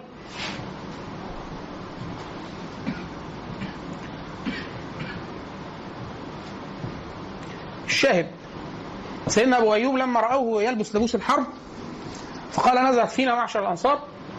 قال قال الله عز وجل انفروا خفافا وثقالا أي شبانا وشيوخا. وهو مروي مروي في كتب التفسير حتى الآن بالسند الصحيح سيدنا ابو أيوب أن من معاني انفروا خفافا وثقالا أي شبابا وشيوخا. فقال فلم يستثني منا احدا. يعني قال لهم خرجوا كلكم كله كله. فخرج فيها فمات في البحر. سيدنا أبو أيوب مات في غزو الروم. الروم يعني يقصد بها الترك حاليا في آه، في الديار التركية. طبعا هي فتحت بعد ذلك محمد بن محمد الثاني ح- ابن مراد اللي هو المشهور بالفاتح. آه، فتح القص... فتحت القسطنطينية بعد ذلك لكن في لما كانت في, في أول الأمر في وقت سيدنا أبو أيوب لما غزوا في البحر كانت في. أرض كفر يعني. فمات في البحر خلاص وظل سبعة أيام في السفينة فجثته المفروض طبيا تحصل لها إيه؟ تتعفن فظلت كما هي كما هي. وهو كان أوصى أن هو يدفن في أعمق نقطة تصلها ديار جيوش المسلمين. لأنه قد أخبر النبي صلى الله عليه وسلم أنه يغفر للإنسان ببعد آه، قبره عن آه، أرض مولده. لأنه معناه ان هو ضرب في الأرض يبتغي يعني الحق والجهاد في سبيل الله فيغفر له بقدر هذه المسافة. فسيدنا أبو أيوب يقول نزلت فينا معشر الأنصار. قال الله عز وجل انفروا خفافا وثقالا أي شبانا وشيوخا. فالشاهد إن هو العمل ده ده ده, الهدف الأصلي لطلب العلم. والتعليم. إن أنت إيه؟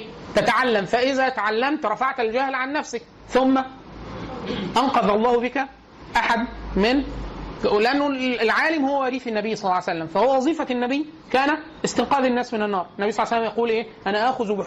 آه، انت آه، مثلي ومثلكم ك ير- يريد أن يتقحم في النار لو أنت ولعت نار بتلاقي الحشرات وال- والطيور وبتاع تبقى عايزة تخش في النار. ف فأنا آخذ بحجزكم عن النار وأنتم تتقحمون فيها. الأخذ بالحاجز إن هو ياخذك من نصفك كده بحيث ما, ما تعرفش تقاوم فالنبي وكأنه بيقول أنا عمال اشدكم عشان تخشوا النار وأنتم عمال ترموا نفسكم جوه النار. أما محمد صلى الله عليه وسلم فأرسله الله عز وجل حتى يرحم به الخلق. فأنا المهم إن أنت تكمل هذه المهمة فإن أنت تعلم الناس ولو قاعد يقول لك يعني أتعلم علم كتير عشان أؤدي ألو... ال- الوظيفة. لا. تثق في شيء. لو وثقت فيه علمه للناس. النبي صلى الله عليه وسلم قال إيه؟ بلغوا عني ولو إيه؟ إيه واحدة إيه واحدة آية واحدة بس. تعرف إن دي آية. ومرادها صحيح. أو كلمة من كلام النبي صلى الله عليه وسلم. أو خير قد دل عنه الله دل آه، آه، عليه النبي صلى الله عليه وسلم أو أمر أو نهي أو كذا لعله ينجو بها ناجي يعني من المثال الشهير جدا في علماء الإسلام رضي الله عنهم أجمعين إن الإمام أبو حنيفة أظن محمد بن الحسن أو أبو يوسف أو الإمام أبو حنيفة حد من الثلاثة الكبار يعني أبو حنيفة أو أبو يوسف صاحبه أو محمد بن الحسن. فهو على فراش الموت. دخلوا عليه أصحابه يعودوه وكان مريض فقال هلم مسألة؟ حد يقول مسألة في الفقه بسرعة. مسألة نفكر فيه. فقالوا أنت في مثل هذه الحالة؟ قال لعل ينجو بي لعله ينجو بها ناجي. يعني واحد يجي فيستغلق عليه فهم مراد الله عز وجل في مسألة وهم قد من الله عز وجل عليهم بفهم وافر وفهم عن الله عز وجل فيقول لك طب أنا شغل المكنة دي لآخر لحظة لعله ينجو بها ناجي. البيروني الإمام وهو كان ليه 200 أكتر من 200 علم صنف في جميع العلوم اللي كانت معروفة في وقته. خلاص؟ يعني صنف في الكيمياء وفي الجغرافيا والسيوطي حطه في طبقات النحاة وكان فيلسوف له مراسلات مع ابن سينا وكان سني على الجادة وكان دين وصنف أكثر من 200 مصنف 180 منهم باللغة العربية وكان يتقن خمس علوم خمس لغات. كان يتقن الخوارزميه والفارسية والعربية والرومية وتعلم السنسكريتية القديمة لغة الهند. وكتب أجل كتاب عن تاريخ العلم. الهنود وترجم عنهم مترجماتهم الرياضية. قعد بيألف فيها 40 سنة تقريبا اللي هو تحقيق مال الهند من مقولة مقبولة في العقل أو مرجوله ظل مرجعا حتى غزو الإنجليز لديار الهند. يعني هو كتبه في 1100 والإنجليز دخلوا 1000 بليسي 1757 دخلوا ديلي 1803 من ده لده 700 سنة كان هو المرجع الأساسي عن الهند كتاب البيروني فالبيروني دخل عليه أحد وهو في مرض موته فأول ما شافه قال له ذكرني بمسألة الجدات الفاسدة مسألة في المواريث. فقال أنت في مثل هذا الحال؟ قال لأن ألقى الله عز وجل عالما بهذه المسألة خير من ألقاه جاهلا بها. فقال فذكرته بها. ثم انصرفت قال فسمعت الصوت. بيصرخوا عليه الحريم وكذا وبتاع مات. خلاص الإمام ابن مالك صاحب الألفية الشهير رضي الله عنه كان في يوم موته وهو كان يعني يحفظ من شواهد الشعر على قواعد النحو وكذا ما يقل عن الحصر. ابن مالك جبل العلم في النحو والصرف والعلوم العربية وكذا يوم موته كانوا بيتدرسوا العلم عنده وهو نايم يعني في هيئة المريض. فذكروا امامه ثلاث شواهد شعرية على قواعد نحوية لم يسمعها لم يحفظها. فقال أقيموني قعدوني كده هاتوا ورقة وقلم بتاع فكتبها وأخذ يحفظها فقالوا له أنت في مثل هذه الحالة؟ قال نعم. شو... لأنه هو كانوا بي... بي... بيدرسوا نحو وصرف ليه؟ عشان كلام الله عز وجل عشان القرآن وعشان السنة وكذا. فحفظ الله الله علينا علومهم حتى هذه اللحظة. فلا يتعلم إنسان القرآن ولا السنة إلا قبل أن يتعلم قبل آه، إلا وتعلم العربية. ولا يتعلم العربية إلا بدراسة النحو ولا يتعلم النحو إلا بالاجروميه والفيه ابن مالك. فباخلاصهم وحرص آه، وحرصهم على هداية الخلق يعني بلغوا ما بلغوا. طيب أخيرا دي الأسئلة اللي إحنا كنا عايزين نغطيها في المحاضرة. إيه الدوافع الإنسانية للتعلم الدوافع الإسلامية للتعلم المقاصد التي المقصود بما لا يسعى المسلم جهله اللي هو فكرة مرحلة رياض الأطفال دي ما أقسام العلوم الخريطة ما أقسام العلوم الشرعية الخريطة بتاعة العلوم الشرعية واللغوية. إيه المبادئ العشرة؟ انما مبادئ كل فن عشرة الحد والموضوع ثم الثمرة وفضله ونسبة والواضع والاسم الاستمداد حكم الشارع مسائل والبعض بالبعض اكتفى ومن درى الجميع هذا الشرف. وقلنا هي إيه؟ وأهميتها إيه؟ وايه القيم والشروط والأركان. اتكلمنا على بعض الأداب والعوائق. وبعد كده قلنا الهدف النهائي هو العمل وده أجل شيء. أو تعليمه لعله ينجو به ناجي المسألة التكليف اللي إحنا كنا قلنا لحضراتكم عليه اللي هو قراءة مقدمة وفارس كتاب صفحات من صبر العلماء على شدائد العلم والتحصيل للشيخ عبد الفتاح أبو غدة رحمه الله. و آه اسمه إيه ده؟ آه، انتقوا بعد كده ولو ولو موضوع واحد من الفارس يعني يشدكم أنتوا هتقروا المقدمة؟ مقدمة الكتاب بس هو موجود الكتاب اف. مقدمته والفارس. ليه إحنا بنقول الفارس؟ هتكتشفوا لما تقروا الفارس. إن الفارس مش مكتوب على عاده الكتب. فارس يعني إيه؟ موضوع كذا. تلاقي الفارس العنوان بتاع الصفحة سطر أو سطرين. وكأنه ملخص الكتاب في الفهرس. وبعد كده تنتقي شيء شدك فيه وتقرأه رجاء أي حاجة في التكليفات اللي بنقولها بنقولها لكم آه، آه، يعني تقرأ لأن هي مكملة للمادة اللي إحنا بنقولها معاكم آه، لو حد عنده سؤال أو تعقيب أو استفسار يقوله في دقيقة لو حد عايز ينطلق ينطلق. عشان ما نعطلكمش. سؤال أو تعليق الكتاب موجود بي دي إف وبتوزعه دار السلام اللي هو صفحات من شدائد العلم على التحصيل. سبحانك اللهم وبحمدك أشهد أن لا إله إلا أنت أستغفرك وأتوب إليك. من إن شاء الله من الأسبوع القادم آه نلتقي معكم أنا والشيخ أنس. الشيخ أنس معكم في الجزء الشرعي وأنا معكم في العلوم اللغوية والإنسانية والطبيعية. آه نسأل الله عز وجل لكم السداد والهدى والرشاد. والسلام عليكم ورحمة الله وبركاته.